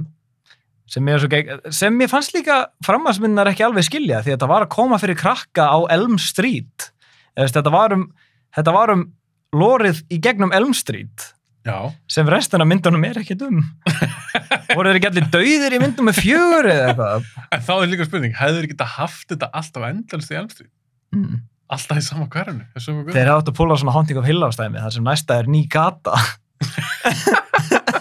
ég hafði að meina þá að Nightmare on eitthvað Avenue Street eða oh eitthvað. my god, A Nightmare on Sunset Boulevard þetta er alltaf ný og ný Nightmare Af hverju hétt Wes, af hverju hétt Wes Cravens New Nightmare það ekki að Nightmare on Sunset Boulevard að því þessi myndi svona svona djóka Hollywood systemið af því það hefur verið einum og svona fyndin Já, Titill. reyndar en líka Wes Cravens New Nightmare myndin heitir Wes Cravens New Nightmare mér finnst það svo fyndið hvernig fannst þér hún er sú mynd? hún er náttúrulega Scream á þennan Scream kemur út já, af því hún er alltaf metta á svona, Mm mér, mér finnst hún rosalega skemmtileg bara því ég er að reyna að ímynda með Wes Craven að skrifa þetta handrið þar sem hann skrifar Wes Craven lappar inn í ramman og að hann alltaf leikur sjálf á Já, um sig hann leikur sjálf hann sig. Mér finnst það svona, ég er að reyna að sjá þessa mynd fyrir mér stundum í handreitaform og ég hlæ bara upp átt. að ég man þegar hún kom út af því það var bú- búið að gera svo marga framhaldsmyndir Mm. svo kom hún og hún var svolítið svona öðruvísi Mhm. með hinnar ég hefði lúmsk hana því Hún er mjög skemmtileg, sko, og það, hún er líka með, hérna, breytir honum Freddy í svona, meira svona entity aftur, hann meira að segja með svona Nosferatu takta, það er meira svona skuggin á vegnum, já, já, alveg rétt. þessi líka sama skot. við minni líka hann hafi verið í leðurbuksum í í þeirri mynd. Já, hann var í einhverjum leiðu frakka Já. og með öðruvísi hatt. Já, Hann var alltaf náttúrulega gett cool. það var svona cool fröndi. Já, já. En þar er mitt leik Robert Englund. Hann leik Mhm. mm. rauninni sjálfan sig, en hann leik líka hann að nýja fröndi. Já, hann leik sjálfan sig, hann leik sjálfan sig að leika Freddy Krueger Mhm. og svo leik hann Freddy Krueger. Já. Hvernig finnst þið lúkja hans? Ég veit úr til peysuna þess að hann er með brenda útlit, hattinn, hanskan. Mér finnst þetta rosalega skemmtilegt. Þetta er, þetta er brjálað design.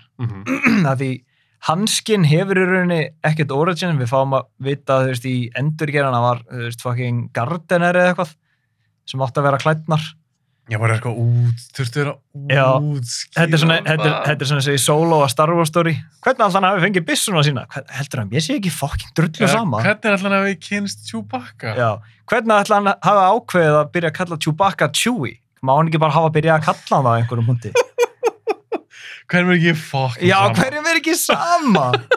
En eins og með hanskan, mm. Mm, minn er þessi sín aðeins í fyrstu myndi bara þegar hann býr hann til. já, En það er hann ekkert meina það. næ. Þetta var, var það ekki bara eitthvað torture vopn í honum? Jó, en mín spurning er með að við hvað við sjáum mikið, hvað hann getur gert í framhalsmyndunum, þú veist, hversu öflugur hann er, hann getur breytt sér í sjónvarp og eitthvað, hvað það Mm -hmm. af hverju þurft hann þá að búa til hanska? hvað hvað mennur það? Að þú sér þið myndunum, þú veist, hann svona fer í gegnum sjónvarp og hann svona hendurnar hans kom út úr sjónvarp og, Hann alltaf bjóð til hanskan á þann að dó. já, reyndar, Af því hann var, alltaf, var hann ekki barnamorðingi. já, ég tólka alltaf að hann bjóð til hanskan í hérna draumaheimurum. Sétt okkur, það, það hefur hilarious. En hann gerði það á hann að dó. Já, þú veist, Er að það ekki rétt hjá mér? Þetta er rétt, hjá þér, þetta er bara því ég er að, ég er að ruggla þessu við opnunarsinna, því við sjáum í opnunarsinnun hann er að búa til hanskan, en þegar við sjáum Freddy Krueger fyrst, þá er hann alltaf þessi drauma vera, Já, já, já. en ég já. var alltaf bara af hverju bjó hann til hanskan í draum, drauma. Það hefur verið stúfið. ok, þá, þá, þá þarf þetta ekki lengur að sitja svona inn í mér. Nei, var, mind- var eitthvað rugl í mindpalasunni hjá þér? Já, það er einhver hillar á röngum stað. Það átt að ræða eitthvað til, ræða betur. Ok, Night on Elm Street, Mm hún er með ný, við veist mjög átt sem hún er ný hér. Mm. Ég er spenntur að heyra hýna myndum. Já, þetta er, þetta er interesting listi, ég get sagt þér það. Ok, ég tek átta. Yes. Þetta er mynd sem ég gæti trú að þú fýlir ekki. Ok, bring it. Ég er 90% viss þess að búin að sjá hana. Ok. Nei, ég er 99% viss. Mér finnst hún æðislega, mér þykir svo væntum þessar mynd. Ok, Ok, og ég, ef að- ef að búið til smá gisklik, ok, hvenær, hvenær kemur hann út? 85. 85 mm. Ég ætla ekki að vera, það er ekki vísbendingin. Ok, Vísbendingin er, vísbendingin er þeir gerða, þeir endurgerða það sem er svo sem ekki nýtt, þeir eru búin að endurgerða margar af þessum 80s myndum. já Ég horfði á hana fyrir stuttu síðan. Mm. Sú endurgerð kemur út fuck, 2011 með Colin Farrell. Með Colin Farrell, býtu Ah, The Wolfman Ma- Ah, shit Nei, býtu, það var, það var Benicio del Toro. Af hverju rugglaði ég þeim saman? Mindfallir sér í rugglingarhóli. Nei, Colin Farrell átti að vera hann Það er ástæðan af hverju Ég er með svona, Aha. ég er með svona behind the scenes trivia í höstum af mér. Með Colin Farrell, heyrðu, býtu Nei, heyrðu, hvað myndir það? Þú ert ekki, þú ert einhvern veginn. Nei, því, þegar ég þarf að giska þá, þá, þá tek ég Þá alltaf svo, pressa. lang, þá tek ég alltaf svo lang, langan tíma að hugsa Eins og með Highlander, ég þekki Já, að hundra. ég þurfti að stara á þetta og ég svona, þurfti að láta mig heyra orðin Russell Nash, geðið lengi þá getur það svona alveg, Og ég bendi fólki á að horfa á þátt 100 part 2 mm, og horfið á hausin Óla þegar ma- eins og maður sér gýrana já í hausnum að þér þegar þú fattar síðan Highlander mm ok, þetta er Fright Night já, hérna Tom Holland myndin Já. já, hann hérna, leik, leikstjörun Tom Holland ekki, ekki, ekki leikarinn ekki leikarinn, hann er jafnaldri minn það er ekki sjens að hann leikstjóri mynd frá 85 en mynd af honum mm, poppar upp á iTunes þegar þú kikir á Fright Night já, það er þá gott kemur Tom Holland, það er gott, Spiderman hann leikstjóri líka hérna Child's Play Mhm. já, Frætnætt, hún, ég sé hana hún er, hún er æði já ok, þér finnst, já, þér finnst skemmtileg Dinner is in the oven mér finnst hún ógæst skemmtileg Hún er æðust Já. þú ert með eitthvað vampýrdót, strákur nákvæm sem vampýra Já. og hann fer og Já, David Tennant var líka í endurgerinni David Tennant leikur Veistu, strange enough, ég hefði örgulega fatt að þau hefur sagt David Tennant, ég veit ekki af hverju fyrir einhvern konar fara Já, því náttúrulega David Tennant var Doctor Who og ég séð of mikið af Doctor Who Ég- Já, þú hefur kveikt út af því. Ég hef náttúrulega séð meiri þætti af Doctor Who en ég hef séð myndir með Colin Farrell. Þannig að... Ok, ég skil þig. Uh, þetta er skemmtileg mynd, vampýrmynd. Ég er sökkur vampýrmyndum, Mm. vampýrur heillandi.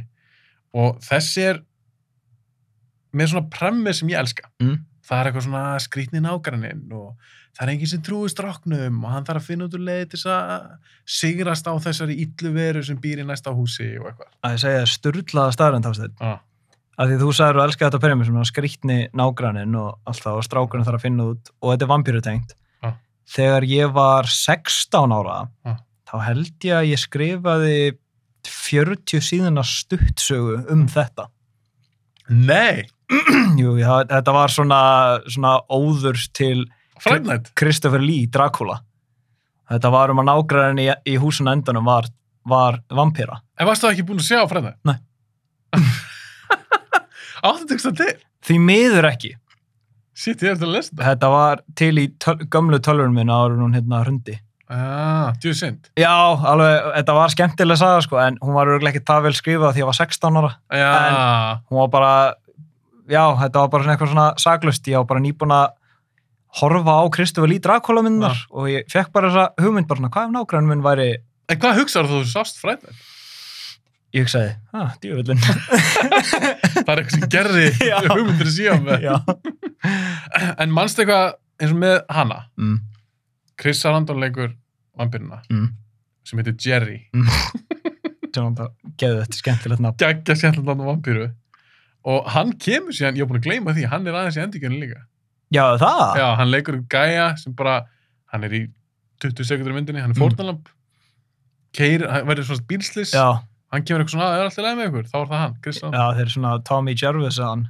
hvað svo er Tommy Tommy Jarvis, nei, í Halloween 2 bara gæði sem er hann og það er bara keirt á hann Mér finnst Ó, það ég man, ógeðslega ég man ekki eftir því fyndið. Já, hann er kannski í frætið 13 skiptir ekki alveg máli en þetta er svona, er- er það ekki svolítið svona Adam West sem, sem Thomas Wayne að fá gamla leikarum bara til að skjóta hann í einhverju götu og eins og við tölum í Batman þetta okkar bara Michael Keaton er í skotin bara í byrjun á Batman Begins það væri æði æðislegt já, Fright Night, var það velina þykir Mm. mm. ósvænt um hana, það er svolítið síðan ég sá upprannlegu mm -hmm.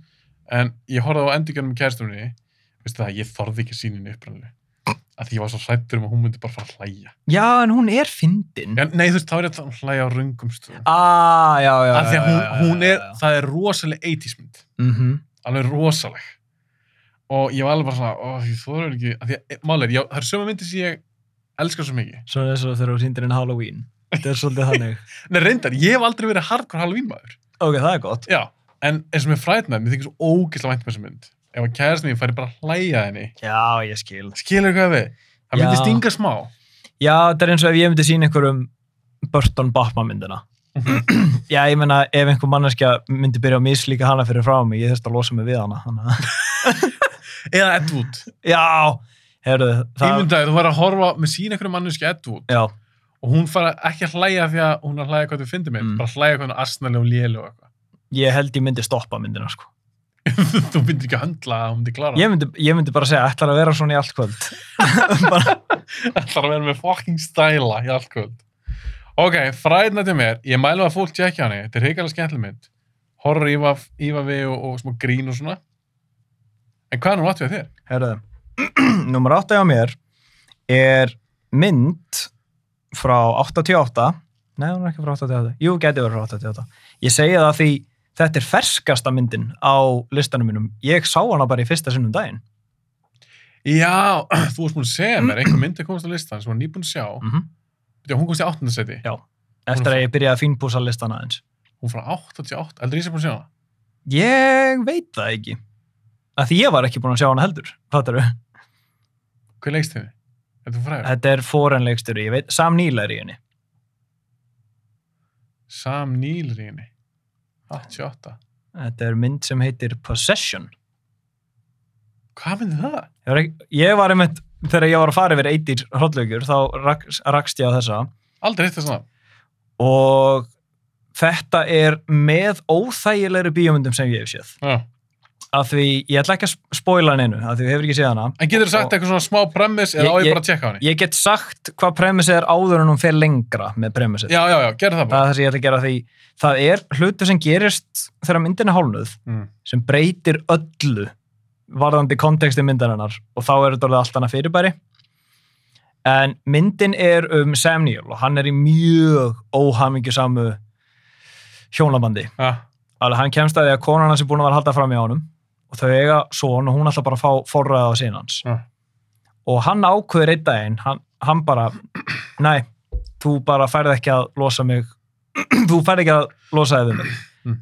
Hann kemur bara heim til þeirra og hann segir, þetta er sonu minn og þú færð ekki forræða á honum, ég ætla bara að vera þeirna. Mér er samátt, sérst að sofa í öðrum gæja eða ekki, Mm. ég ætla samt að vera þeirna. Og þetta er alveg, þetta er örgulega mest toxic og ógeðslegasta samband sem ég hef séð í bíómynd alveg mér leið genuinely óþægilega og ég held að það yrði hrollveikjan hversu, mik hversu mikið hann er að missa vitið Já. en svo gerist eitt þegar myndin hálfnið, ég ætla ekki að segja hvað það er að þegar það gerðist, ég hallaði mig fram ég var bara svona að chilla Mm. að horfa á hann í sófanum og séðan bara svona, heyrðu býtu nú við Þannig að gerist eitthvað mjög áhugavert. já, Vá, ég er náttúrulega spenntur að sjá það. þetta verður allt í unni allt annað fyrirbæri Ok, það hljóma spennandi. hún er rosaleg það er orðið sér, en hún er, hún er sló hún er svolítið löng Ah. en hún er líka, hún er eiginlega bara óþægileg allan tíman mér, bara, mér, leið, mér, mér leið bara illa Possession. já, að því, veist, eins og ég segi, ég var að horfa bara á tvær manneski sem hata hvort það veist, hann lemur hann og er að íta henni í eitthvað og hann er bara, þú veist, þú færð ekki að taka sólminn frá mér og sonur hans er byrjar að vera alveg pínu hrættu við hann Þetta sko. virkar bara svona eitthvað bara dramamynd. já, ég held það, ég held að það væri hrollveikjan bara Já. svona the toxicity í þessu en svo gerist þetta setna í myndinu og ég var bara, herrið, og ég barasta En ok, án þess að segja mig hvað það er, mm, af því ég er svolítið spenntur að sjá þessu mynd, mm. er þetta eitthvað sem make a sense eða er þetta eitthvað svona alveg fáranlega left field bara allt í henni hendi mynd? Þetta er alveg fucked up, ég get sagt þér það, það er alveg síðan. En make a sense. Þú varst að kaupa það. Já, því þau fara alveg út í, þau, þau embracea þessa vitleysu. Ok, ok, þú þarfst að tala svona í kringum þetta. Já, ég þarf að tala í kringum þetta, en þetta er, þetta er ógeðslegt. Ætti ég að þóra að sína kæristun þessu mynd? Hún fýr alveg fókt af myndir.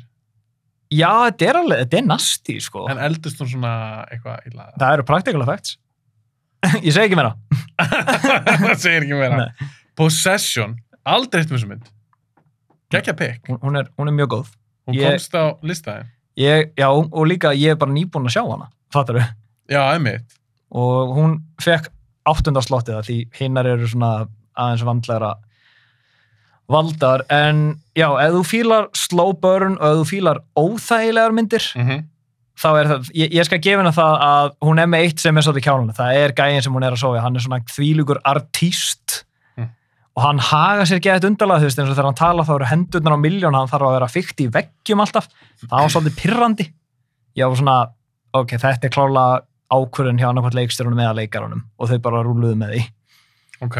en þessi mynd er óþægileg og ég, ég mæli með ég mæli með þessari mynd Hvernig fannst hana? Varstu bara að googla ykkur top 80s lista? ég hafði, ég hafði heyrt um hana á rosalega áhugaverðan hátt þetta á varandi Sam Neill og mynd, hryllingsmyndir sem hann hefur verið í Já. og það dettur svolítið í þann dolka Hann er núna leiki í nokkur hrylsund. já, In the Mouth of Madness, Event Horizon sem náttúrulega sem ég er ekki stærst aðdáðan af Þú er þessu Tommy, Tommy Þólan ekki. ég er ekki stærst aðdáðan myndarinnar en Sam Neill er náttúrulega alltaf væði þannig að En þá verður ég bara að spyrja, þó að Event Horizon sé ekki 80s, bara Mm. stutt. mm. Af því ég, ég nátt spyrja Tom alveg út í að síðustu hittan. Hvað er að við hana sem finnst ekki góð?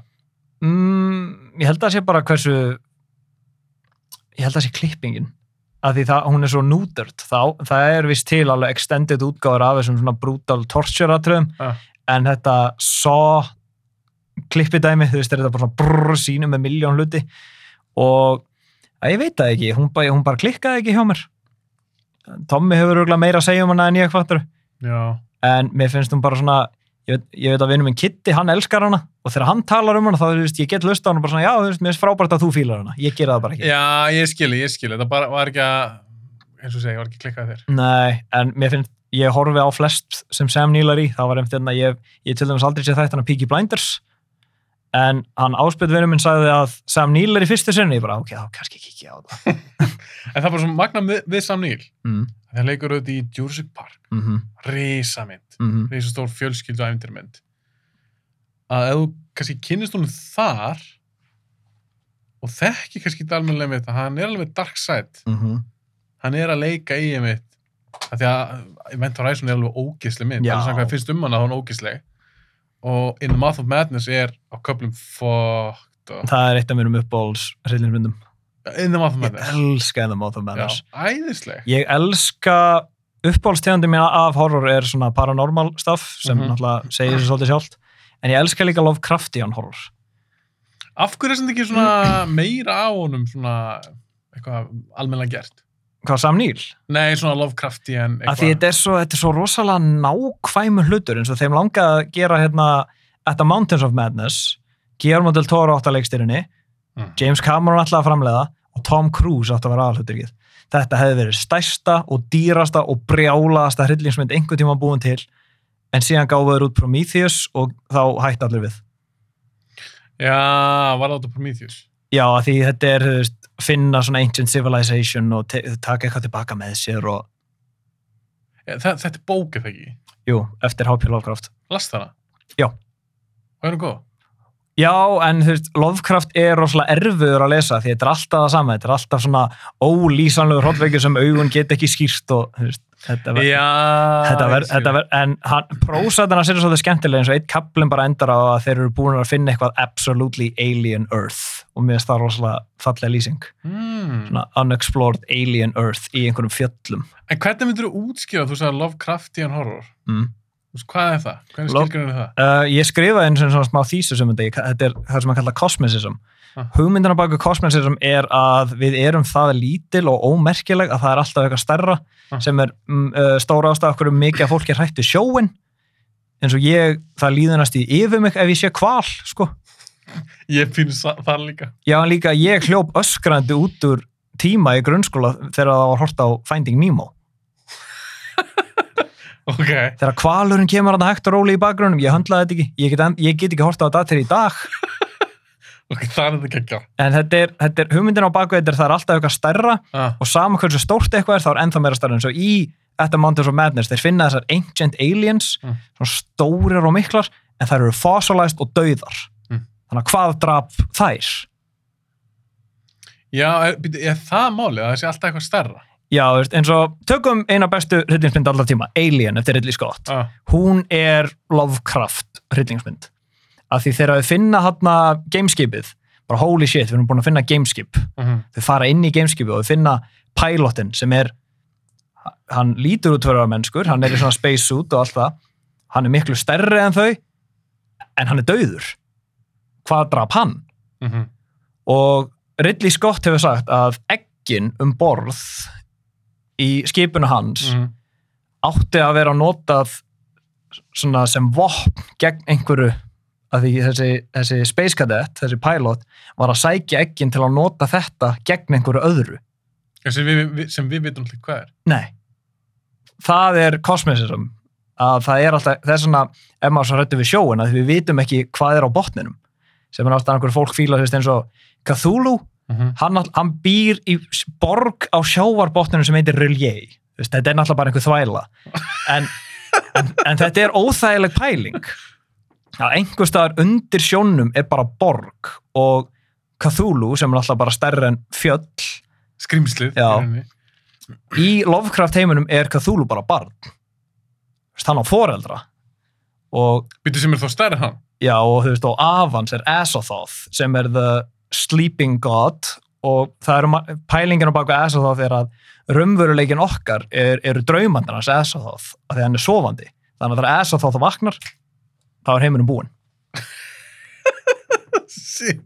og það er kosmisism, þetta verður haldið með vakand á kvöldin maður Ok, en þannig að það, þú segir kosmosis já, ko já kosmisism, og kosmosisism já, svona alheimsismi og Lovecraftian horror já er raunin að það sama, er það talað um það? Já, Lovecraftian er bara svona stærri, ólýsanlegri hættan. Ég held alltaf að þetta tengdist líka eitthvað svona einhverju tentacles og okkur Já, þetta er allt eitthvað hann, sko. Ég veit ekki hvernig Lovecraft hefði brúðist að henda, sko. Ok, en pælingin er einu þessi sem þú varst að lýsa. Já, Það er eitthvað svona stærra. Já, og líka bara svona hvernig þetta bræðist inn í alvöru heiminn. Þetta er, þetta er eitthvað sem er það mikið að manns heilin getur ekki höndlaða og svona rumvöruleika brjótandi eins og í The Mouth of Madness. Þú veist eins og þegar rumvöruleikin byrjar að breyta sig kringum og svona portal, svona einhverja geimvöru koma. En þetta byrjar alltaf bara, hei, þessi gæði búin að vera að skrifa einhverja skrýtna bækur. Mm Þú veist, það byrjar alltaf eitthvað svona mellow. Þú veist, eins og uh, Call of Cthulhu er upprunalega bara, þú ert að lesa úr, þú ert að lesa glósur úr dagbók frá einhverjum, fattur og síðan Já. allt í enn endar þetta bara á að, þú veist, að oljubormenn sem voru að drilla á botninum á hafinu opnuðu fyrir gjáttirnar og Cthulhu reis upp. Já, Þetta byrjar allt svona low key, svona eins og í Shadow over Innsmouth. Það var þetta gæi sem kemur tilbaka í bæ sem ég minna hann ólst upp í eða mann eftir þegar hann var yngri Já, en það er eitthvað off alveg fólki er orðið eitthvað öðruvísi og síðan er þetta allt bara einhvern veginn svona mutated fiskafólk, fattar þau veist, þetta þetta er viðbjóður þetta er samt skemmtilegt. þetta er það, en ég held að það sé ástæðan af hverju að því að gera Lovecrafti hann hryllinsmynd ekki bara tekur þetta rosalega mikið ímyndanafl, en þetta er svona hvernig filmar þetta rétt og hvernig nærðu wide audiences inn í þetta, Heldur að Del Tóra þeir náði? handrita hans er til á netinu Og höfðu lesa? já, það er fínt en þú veist, þetta var fyrsta draftið Já, þetta er að endurskrifa. Já, eitthvað aðeins, þú veist, eins og það voru það eru svona rísa mörgæsirinn í þessu eitthvað, en Sem er ekki skeri. nei, en ég, þetta hefði náttúrulega verið brjálað project, þú veist, með Cameron peninga á baku þetta og Tom Cruise í aðalhutur ekki, Ég hef verið til í það maður. en það er eitt atrið í uh, bókinni, þetta Mountains of Madness sem satt alltaf í mér, að það var þegar þeir eru að fljúa aftur frá borginni, þá snýr einn aðeins sér við og byrja sér hann bara að garga af ótta, hann er, bara, hann er búin að missa vitið, hann getur ekki sagt hvað hann sá og það er, þeir eru allir búin að sjá nóa skrýtna hluti nú þegar að það var eitthvað sem þessi gæi sá sem leta hann missa vitið og mér finnst það æðislegt Mælur með þessar bók. Þetta er Mountains of Madness Já. uh, En ef svo þú- fyrir mig, ég mér langar að tjekka eitthvað svona Lovecraft úti. mm, Þá myndi ég já, því þetta er eiginlega bara hún er, já, hún er líka ekki það löng og hún er hún er nógu áhugaverð varandi það að þú, hún verulega leifir hugmyndafluginniðin að ráða för Ok, og þetta er ekkert einhver svaka, þetta er ekkert einhver símaskrá. Þetta er alveg svona... segist Nei, þú, þetta er bara, ég held að hún sé þú veist, 100 síður eða eitthvað, Já, hún er ekkert lengur þetta er bara svona novella Ok. Ég held samt að upp á Lovecraft saga mín er The Music of Erik Sahn og hún er bara einhverjar tíu síður eða eitthvað. Já, bara alveg þvílík stutt, þvílík stutt saga. Já, hún er æði. Mér langaði nefnilega, mér langaði að punta að breyta henni í stuttmynd. Mér langaði að adapta, adapta þessu. Áhugaverð. Mm. Ok, herru, smá útudúr. Ég man Já. ekki, ég man ekki sem kom að Ég, við, vorum, við vorum að tala um Possession og síðan Sam Neill og það fór yfir í Lovecraft. Ok, hvert eru konir? Uh, Ég var að segja að mynd numar 8 af mér var Possession. Ok, Það fekk ég loksins að æla þessu út Lovecraft blætunum mínu. Lovecraft blæðinu. En mér varst mjög gana að heyra þetta. Ok, númer sjö hjá mér. Ég var þvíld að debata hvort þetta hafis mynd með. Mm. En ég varð að hafa hana, því ég elsk hana. Mín nummer 7 er líka þannig. Það? Fyrst var ég bara eitthvað svona, að ég er búin að taka, ég er búin að taka svo marga þætti, ég er búin að tala um alls konar myndir. Og það er eitthvað, ef, ok, við getum orðað þannig, ef einhver er búin að hlusta á alla bioblastættina, þá er þessi list ekkert að koma neitt á óvart. En þessi mynd, ég bara elska hana svo mikið, og ég bara, ég, ég gat ekki gert top 80s mynd og sleppinni. Ég vildi þetta. elska það ég elska þetta pikk bara ef ég væri með hatt það myndi það would tip it off Akkur fílar þú ég vildi þetta? uh, hún er á listanum mínum líka Ok, en ekki sjönda? Nei. Ok, ok, við tökum bara Evil Dead núna Já. umræðana, Evil Dead 2. ég segi alltaf Evil Dead 2 Dead by Dawn Já, hún heitir það ekki. jú, hún, jú það er bara, þú veist, hún heitir bara Evil Dead 2 eða, og stu- sumir segja Dead by Dawn ég er Dead by Dawn maðurinn En ég meina, er það bara preference þér? Það skiptir einhver, það er engin, til Skiptir önnur engu. útgáfa. nei, skiptir engu máli, ég segi alltaf bara Dead by Dawn Er hún besta Evil Dead myndir? já, ég er sammála, ég var bara að testa það. hún er æði Ég... Af hverju er svona góð? Uh, að því þetta er fully formed kvikmyndamaður að sína okkur fannst ykkur fyrsta b- brjáluð sko spennið beltin Tjekkja á þessu. Mhm. ég, hún er kaos. Þessi mynd er bara glundróði og þetta er svona, hversu mikið get ég pint Bruce Campbell? Af því hann er rosalega mikið bara einn í þessari mynd. Mjög mikið. Og það er bara allt að koma fyrir greimannin. En af hverju elskar þú hana svona mikið? Þetta Er, hún er nummer sjö á þínu lista. Mér langaði að setja hann ofar. Ég Mhm. var bara eitthvað svona, ah, ég... Málið með Evil Dead 2, elsk hana. Ég, ég tengi hann rosa mikið við, ég var úlingur. Mm -hmm. Ég, ég er aðeins með nefndi, minn ég að nefndi þetta í framhaldsmynda þættinu með Tomma, Mm. Valgeirs. Að ég var að kynast þessu myndu, Bad Taste, Brain Dead, þessum splattermyndum, Mm. þegar ég var úlingur. Og þannig höf, höfðu svo mikil áhrif á mig. Fyrir mér var þetta svolítið svona ný tegund af hryllismyndum. Svona Já. splattermyndir. Mhm. Alltaf miklu meira svona húmór í þessu splattermyndum. Og Rihanna myndur var líka eina af þeim sem ég sá á þeim tíma. Uh, Rihanna mitur er adaptation af Lovecraft bók. Já, einmitt. Já, ég, ég vissi það einmitt. Uh, ég var endur ekki séð Rihanna myndur bara síðan ég var úlingur. Ég Já, þarf að- sama hér. Já, ég- ég þarf að- ég þarf að reyfa henni upp. Já. það er- Mér fannst það skemmtileg. Og ég elska Jeffrey Combs. Mm. Eh, þannig þegar ég sé þessar myndir og þú veist hvernig þetta er, ef maður er með eitthvað svona persóna tengingu, sérstaklega eitthvað svona nostalgíu tenging, Mm. það, það er svo stert Mm -hmm. og Evil Dead, bara allar mér finnst það allar þrjár mjög skemmtilega Hefur sér söngleikin? söngleikin, Evil Dead the Musical, hefur aldrei séð þetta? þetta er svo gott! ég held ég hef ekki sem þetta að því, ég maður Hérna- ekki að hérta Þetta var líka, það var eins og sett upp í Vestmannum og Ah. góður vinnu minn sem, sem er, Vestmannu, þá heitir það Banastuð. þá hérna, vinnu minn, hann hérna Sindri Freyr, Mm. mm. sjátt á hann, hann, hann skrifaði einu svona Lovecraft sögu með mér, við erum bá, báðir diehard Lovecraft fan, ah. hann lék Ash, söngleik, hann var æði í því hluturki. en hver startaði þessu söngleik? Ég veit það ekki, en tón, soundtrackið, þetta er, að- ég er með mörg af þessum lögum á heilanum bara reglulega, eins og hérna Do the Necronomicon. Fucking, en þú veist, er þetta ekki hallast það? jú, en þetta er að embracea þvæluna. Er þessi Evil Dead sér þvæla? Ertu að segja mér að þetta sé ekki þvæla? Ég er að styrja það. en já, þannig að hún, húmorn í henni, uh, effektaðin í henni, Mhm. Bruce Campbell ég var náttúrulega bara Bruce Campbell fan döðans eftir mm. ég sá þessum myndir, eins og flestir hann er með svo mikið karisma Mhm. ég skildi aldrei okkur hann varði ekki stærri stjarn Nei, ekki ég heldur. Vist, hann a- a- a- myndalegur, Mm sjarma Já. fyndin, okkur varði hann ekki stærri leikari Líka, ég skil ekki hvernig hann varð ekki 90s hasastjáma. já, Sérstaklega eftir Army of Darkness. já, Hann er svo fucking svalur í þessa mynd. já Ash Williams er uppáhalds fictional karakterum minn ever. af öllum, Mm Hann og Obi-Wan Kenobi. okkur er S nummer eitt já.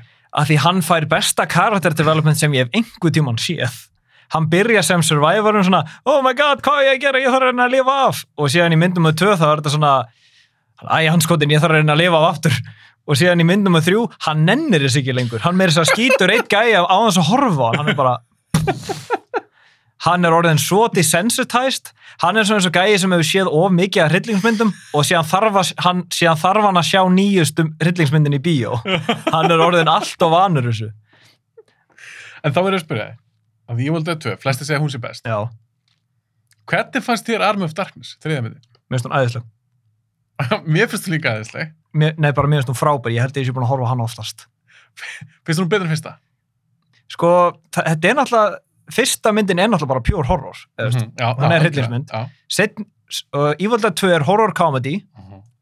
Army of Darkness er grínmynd þetta, er, þetta er fantasy grínmynd já og það, það eru allar æði af því ég veit ekki hvað það er við Sam Raimi en hann veit nákvæmlega hvað hann er að gera við efnið sem hann er með Mhm, og náttúrulega hann skrifar Evil Dead myndunar Mhm. en svo lítið á Spiderman myndunar hans hann veit nákvæmlega hvað hann er að gera með efnið sem hann er með mhm. sérstaklega í Spiderman 2 sem ég horfði á nýla ég ætla að gefa Spiderman 2 smá sjátt ég var að horfa á hana í fyrsta sinn í nokkur ár Eldast nú vel? já, ég var í tárum Já, ok. þegar hún var búin, ég var grátandi Gekkja maður. hún var bara fuck me þetta er, þetta er, þetta er langbest ofurutmyndin Barnan Betur en Dark Knight. sem ofurutmynd, já Ok, en þá eitt stuð. Sa að því Sam Raimi, mm. manni þykir rosa vænt um hann. hann, hann Sam Raimi er í topp 5 hjá mér sem sko. leikstur Það er bara eðver. já því hann hafði svo mikið influence á mig varandi bara svona Já, sem kveikmyndi gera maður. Já, líka hann er með svo distinct stíl, þú sér Sam Raimi mynd og þú veist, sérstaklega í Evil Dead 2, þú sérð að það er kvikmyndagerðarna maður og baku, kvikmyndagerðar maður. Mhm. Fun fact um Evil Dead 2, þetta Mm. er uppáhaldsmyndina sem Edgar Wright, sem er mjög telling, af því Edgar Wright er rosalega að taka frá Sam Raimi með þessi quick Það zooms er og, svona eins og sama orka. já, þetta er samorka, hann Já. er um þetta að fara að gefa út svona thriller í ár. Hvernig lístur það? Last, heitum ekki Last Night Last in Soho? Night, ég er að deyja, hvað mér langar að sjá hana að því hann segir að hún á að vera svona inspired af myndinni Don't Look Now með Donald Sutherland sem er líka æðislega mynd Hó, 70s myndi. já, Hún er flott maður. já það er eitt af uppáhaldsmyndunum hans Edgar Wright, Já. Þe- hann segir að þe- þessi mynd sé svona love letter til hennar og annara mynda segir maður ekki hvað hann myndi, Og það hljómar á. Ég er nefnilega er ekki búin að sjá trailerinn. Ég ætti ekki að sjá hann. ekki, ekki hefur Ég veit í raun ekkert um hvað hann er þannig séð. Mhm.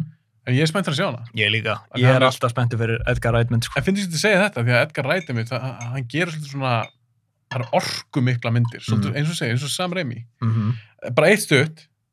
Ég ætla ekki að fara í eitthvað langt Marvel-spjall. Nei, En Raimi er að gera Doctor Strange. mm, Dr. Strange 2 The Mhm. Spenntur. Multiverse of Madness Já, spenntur.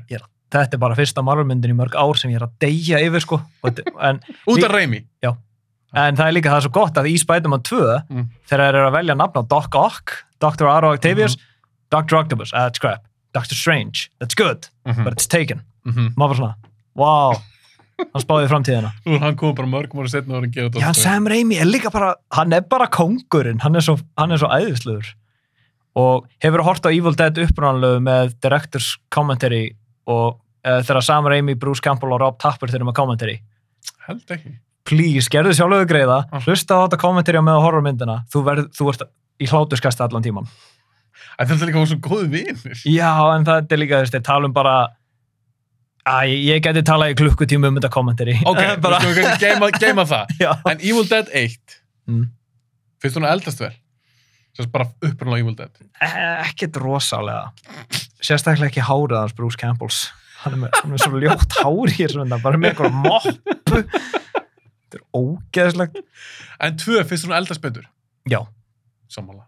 hún er hún er líka svo shameless Mhm. það er bara eins og þarna blóðfossin sem kemur út af vegnum og svo er, einhver, svo er hendinan sem að sker af sér að lappa út um allt og að fokka á hann þetta er svo, Svo, þetta er það sem ég fílaði við við þegar Sam Raimi er að gera þessa myndir á þessum tíma því að Rob Tappert er náttúrulega að framlega þessa myndir Mhm. og Sam Raimi er að skrifa þessa myndir Rob Tappert er besti vinnur Sam Raimi Mhm.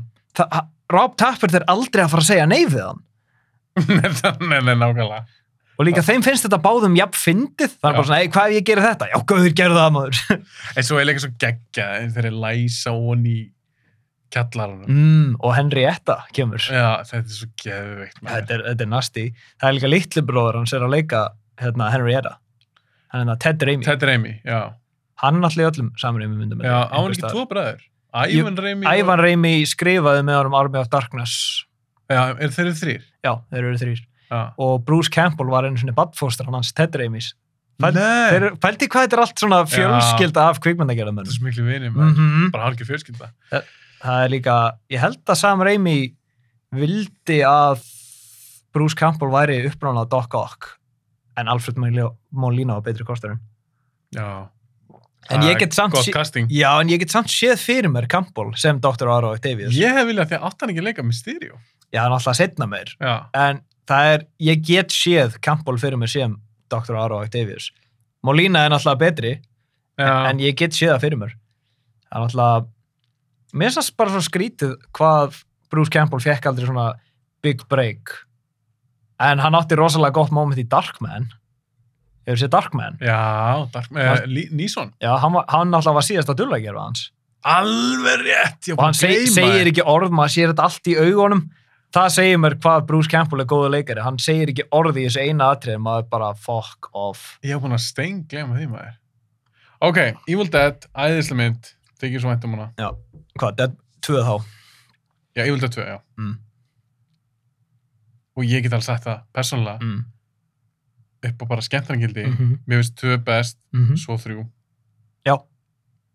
Ég er endar, ég flakka á milli 2 og 3. Er, stu- er 3 stundum uppáldið? Já, það fer bara eftir hvori ég er nýbúin að horfa á. Já, þú meina. Mér finnst að báðar það æðislegar. Mér finnst það bara svo skemmtilega, svo mikið, mikið skemmtilega efni í báða myndbana. Já, líka, my god, hvað þær eru quotable. Já, Yo, she bitch, let's go. ég held að, það upp, er fullt af setningum.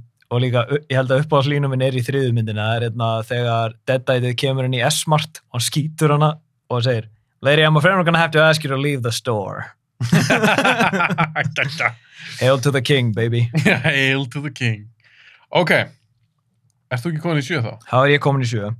Mynd nummer sjö er mynd frá 1988 aftur. Ég, ég get staðfesta þessi frá 88. Mm. Uh, ég ætla að reyna að láta það ekki ská. Ok, heldur þessi búin að sjá hana? Örglega. Þetta er handrit eftir Frank Darabont og hún er leikstýrð af Chuck Russell. Sá sem leikstýrð The Mask, setna mér. Fuck, hvað, Og- ég heldur þessi ekki búin að sjá þessu mynd. Þetta er endurgerð. Hvað leikur annars ekki? Mm, Frægur. Nei, það er ekki mjög margir fræðir hana í augnablikinu. Chuck Já, Russell. litli bróðir Matt Dillon leikur í þessari mynd að, leikur eitt af hluturkonum þetta er Ég er ekki kveikja. The Blob Já, ég sá hann ekki.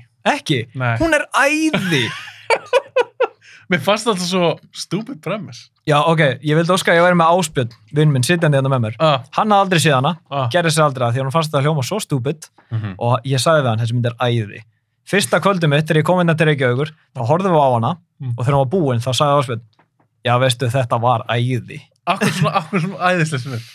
Uh, hún er með svona, þetta er skrítið creature feature, þetta er bara The Blob Þessi mér er svona hljóma óspennandi. hún, þetta, er- þetta hljómar mjög spennandi Ah. en þetta er handrið eftir Frank Darabont Já, menn hann kann að skrifa. hann er mjög góður handriðstöfundur uh, það er rosalega það er hellingur af setups og payoffs Ah. það er mjög gott dialog og hún er með gott svona subversion of expectation af því það er karakter sem við kynnum snemma í myndir sem, við, sem er svona töffarinn í liðujakkanum með síðahárið Ah. eitur svalika einn við höldum þetta er fyrsta fórnalambið það ekki nei, hann er hetjan í myndinni það aðalgæði.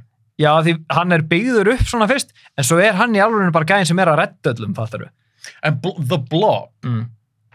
hvað er, hver er sagan? Hva, um hvað er þessi mynd? þetta er um sem sagt svona asteroid Ah. sem fellur til jarðar og það fer heimurslaus maður að þessu og skoðar þetta og það er eitthvað slíma á þessu og síðan fer slímið á hendina á honum og hann bara tekur svona eitthvað yfir hendina á honum og hann er fluttur á spítala og síðan heyraði hann bara ræða in pain og þegar ég kíkja sér hann undir lakið þá vantar helmingin á búknum hans og þá er allt í hennu blopið sjálft orðið stærra þetta er sem sagt að fýsta á fólki og verður miklu stærra Ég bara getur það. Mhm.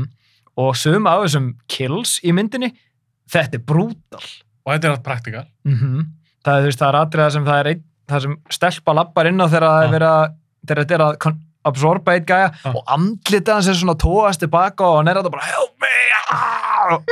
þetta er ógeðslegt að horfa á sko og það er atrið sem gerist í ræsinu líka sem Um er líka örgulega bara uppáhals, eitt af mér uppáhals kills ever í bíómynd, þetta er svo ógeðslegt Ah. þetta, er, þetta er rosalega stutt en þetta er bara svona, oh, vóka þetta var erfitt að horfa á Hvernig Eh. var það? Þú var að segja mér það. Það er sem sagt uh, einn af tveim uh, strákum svona, sem voru nýbúin að vera að fela sig eða svona laumast inn á hryllingsmynd svona ja. parodi á fræti eða þörstínþmynd bara. Ah. Þetta er elta þá tvo og aðal stelpun eftir að þau voru að reyna að flýja frá svo hann í ræsi og síðan dreifur þetta og hann í þú veist, ræsisvatnið Já. og svo poppar hann allir upp og þá vantar bara helling af húðin hans og, og andlita hans er byrjað að bráðna og hann er, og þetta Ég er, þarf að tjekka á þessu. þetta er æðisleg mynd The hún Blob. er frábær og líka það er hún fer alveg út í svona svolítið skrítin kabla sem þetta er uh, það er pínu spoiler þannig að ég, Ekki segja það. já, ætla ég ekki að segja hvað það er en þetta er svona þetta er eitthvað sem hefði geta verið hægt að kötta en þetta er pínu svona commentary að því Darabont er náttúrulega bara sniðuðu penni Ok, þú ert alveg að selja mér þessu mynd. Ég held alltaf bara eitthvað að þetta er eitthvað óspennandi, Já. eitthvað, eitthvað slímklassa. hún er ekki, hún er ekki skeri En hún er skemmtileg. en hún er, hún er æðisleg Ég er, nefnilega, ég er alveg til í horror, hann þarf ekki að vera skeri mm. ef þetta er skemmtilegt. Já, veist, eins og ég segi, ég er að setja þessa í sjöundasæti yfir Possession að Nightmare on Elm Street og Henry, sko. Þessi mynd, er, að- hún var upprúnlega í tíundasæti á mér, sko. Já, hún bara hækkaði þér. Já, því ég horfði á þar allar núna Já, þú veist, einmitt, þú til, rifjaðir til, þær að end, til að endur aða listanum þegar blabba búin þegar ég var búin að horfa á hann á áspilna við vorum bara skemmt okkur konunglega og ég bara, veist, ég þarf að hækka hann og það er svo- svolítið skemmtilegt að því að þessi móturhjóla töffari, Ah, hann hérna Brian Flagg Mm.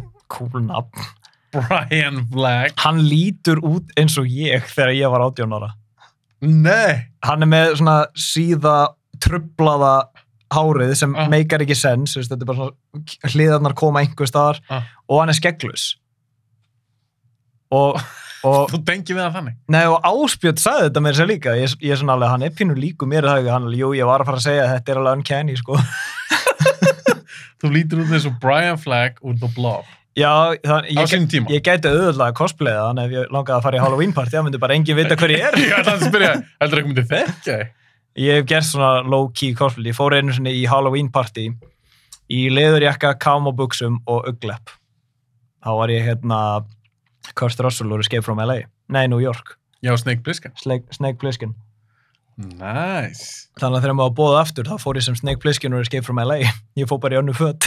Já, þú tókst New York fyrst svo LA. yep. Honum agli, partígeskjáðunum, honum fannst það geggjað. Honum, honum fannst þetta ógeðslega að fyndi djók. Þetta er gott jók. Að eina sem ég gerði var að mæti öðrum í jakka bara og með augleppin. Breytir aðeins. Mm -hmm. Ok. Hald ára. Yes, ég er til að, en ég, ég mæli með að horfa á The Blob. The er- Blob, hún, ég er að fara að tjekka er- þessar. hún er æðisleg. Það er ein mynd sem ég ætla að nefna við þig sem Mm. er ekki á listanum mín, ég er ekki búin að sjá hana. Ok,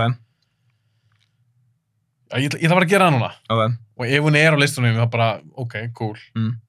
Ég, ég hef ekki séð hana, ég bara sá eitthvað á Facebook eða eitthvað, ég er partur af eitthvað svona grúpum og eitthvað. Og bara svona visual úr þessar mynd, ég var Mm. bara, wow, ég væri að tjekka þessar mynd. Ok, hvaða mynd? 80s mynd, Mm. sem heitir The Hidden. The, hid, hid, sem sagt, The Hidden. Ó, ég hef ekki séð hann heldur. bara það dót úr henni, þetta er eitthvað svona fer inn í fólk, eitthvað tekur yfir eitthvað, svo, það sem ég sá var eins og sé eitthvað svona patta fara út úr henni. Ah, Já. nei. og eitthvað svona praktikal dót og, Ah, það er næsti. Ég, Og- kannski tjekka á henni þegar já, ég, hún allavega á að vera fín sem Já, svona það- mynd hann geti sett hana því ég ætla líka að horfa á Possession bráðum með áspilni. Hann hefur ekki séð hana heldur. ég, Possession Já. Blob, þú ert komið fullt af hundum ég, mér langast að sína kærastum um það Blob, Hún er æði. Þetta er æðisleg mynd. að því kærastum við elskar að það hljóma smá svona body horror element í henni, Mm. ég fíla svo þess og hún fíla það líka ok, nummer 6 Já. Svo tekur þú síðan nummer eitt og þeir að við vitum hvað nummer eitt sem er. Já. Hann er í lokin. Ok, nummer sex sem er er mynd sem ég held að þér finnst léleg. Ok, ég er tilbúin.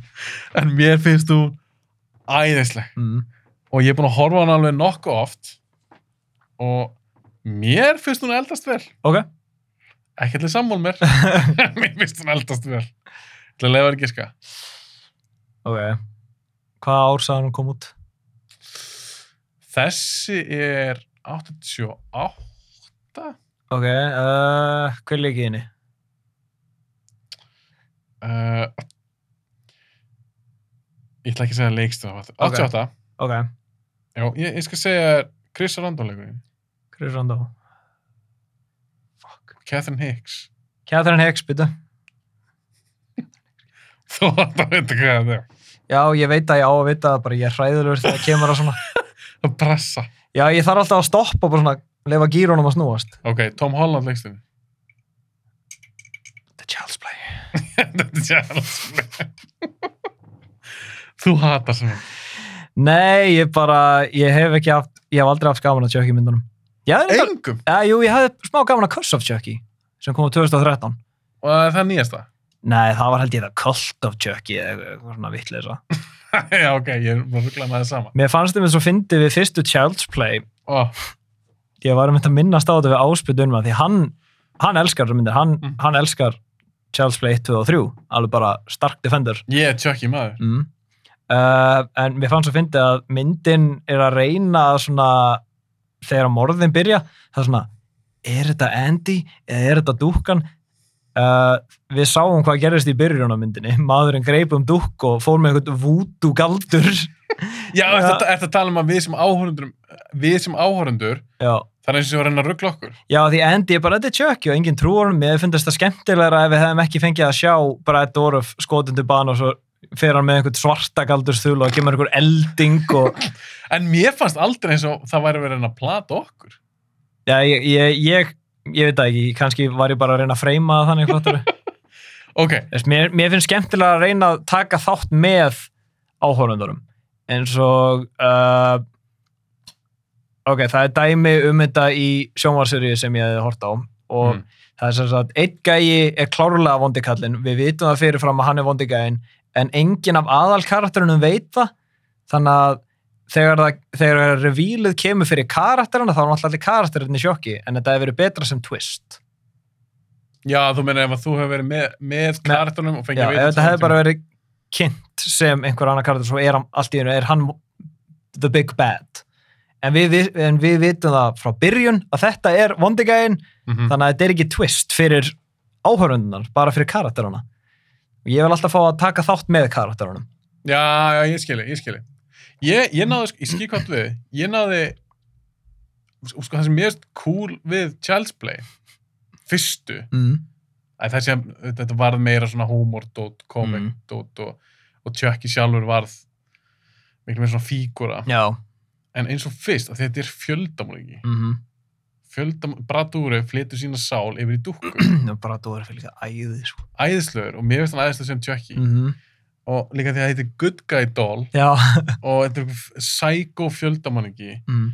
og kannski fyrir utan bara tjökki karatinn, mér er svo skemmtlur mér Já. er gaman að horfa á hann og- Don't fuck with the chuck eins og það er aðrið þegar hann bara hittir eitthvað svona vútugæja Já, ég veit ekki hvað þú mannst eftir þessu jú, jú, ég man eftir þessu og hann er bara, það er bara dialog aðrið á Mhm. milli tjökki og eitthvað svona vútugæja mm -hmm. ég elska það Ég, getur, ímynd, ég er alltaf þegar ég sé tjökkjumyndar ég er alltaf verið að ímynda mér krúið og svona taka þess að tröp að ég er bara svona, fúf, hvernig gæð fólk kaldið feysi þetta er alltaf, eins og þú Já, sagði þetta- áðan um einhver aðra minn þetta er alltaf þvæla er þvæla þetta er þvæla mér er stúruf selja mér þetta Mm. líka bara hönnun á honum svo þannig að byrjar eitthvað svona að gretta sig eitthvað Já. og... ég, ég dyrka það það er líka samt svolítið skemmt ég skal gefa þeim það með Child's Play að það var skemmtilegt að þeir, að þeir gáfu tjökki svona ticking clock motíf þú hefur bara x mikinn tíma til að finna þér annað líkam annars verður fastur í dúkkuna í löfu en mér finnst nefnilega mér finnst það rosalega sniðut Mér finnst handið sniðið. Já, þetta er, þetta er sniðut að þannig hátt að þetta gefur hann svona en hann ásamt svo mörg tækifæri til að drepa hann fokkin krakka. Já, ég þarf kannski að, ég þarf að horfa á hann aftur, ég man ekki alveg hvernig það var. Ég man sann, mannstu þeirra í, í myndinni þá eru svona gerfi auðlýsingar og Já, eitt af þeim er auðlýsingi fyrir Good Guy dólið já. og þá er svona gæi í svona risa tjökkibúning. Ég held að það hrætti mig meira en eitthvað í öllum þessum myndum. Ég er bara Það svona, var skeri. ég er bara svona, aah! Alveg ef ég sagði þetta koma með maður, fuck off! En það er sem skot í upplöðu Child's Play, Mm, þar sem þeir nota, það er manneskja já, í búning. já, Og röglega lágóks í dvergur eða eitthvað. já, Og það, það, ég man þetta einu aðrið þar sem hann er að hlaupa um stiga. Já. Það finnst mér skeri. já, það, Af því að hann er, manneskjan er í tjökk í búning. já, það er endar, Og þetta er svona aðeins starra heldur um brúðan. Mm. Og þú sér það alveg maður, eða sett manneski í búning. já. Mér varst það meira á en setling heldur en, heldur en eitthvað svona animatronic dúkka ykkur. Ég hefði átt að koma með Chucky í dúkkuna mína. Ég náði- Áttan? Já, Nei! aftur gjöf frá mömmu minni, af því mamma mín er klikkuð. En þú, en þú fílar ekki þessi tjökk? Nei, en hún gaf mér þetta til að bregða mér. Þetta er svona, þetta er Chucky, og held ég Seed of Chucky, eitthvað sem andlita hans er svona hérna og auga hans er að poppa út. Hún sá þessa dúkku, hún keift hana, Ah. hún sett hann á stólinn inn í herbygginu mínu og sneri stólnum baki mig. Þannig að þegar ég lappa inn í herbygginu mitt, þá sá ég svona raukt hár í stólnum mínum, sneri stólnum og ég, Ah! Er þetta actual size? Já. Mm, Nei, það er gæðvegt. ég, á, ég á þetta bara heima á mér, ég hefði átt að taka þetta með. Jú, þú ert að taka með Ég, tjökk. ég hef getað tekið svo mikið horrorstoff bara fyrir hana þátt, en það er verið að pakka miklu meira þar í flutti. og fyll allt, sponsið mitt þegar bara að fara að borða Já, þig, ég- bara einhver dúkku. og þetta, er, einhver dót. þetta er proff sem ég tók með, svo tók ég með annað proff fyrir setna þátt. Já, Mm. ok. Já, já, ekki fyrir horfa þótt. Nei, Ok, það kemur ljós hvað það er, Aha, setna. það er skemmtilegt. Ok, Jazz Play, mér finnst hún aðeinslega, ég hefði samt kosið að þeir hefðu gert bara eina mynd.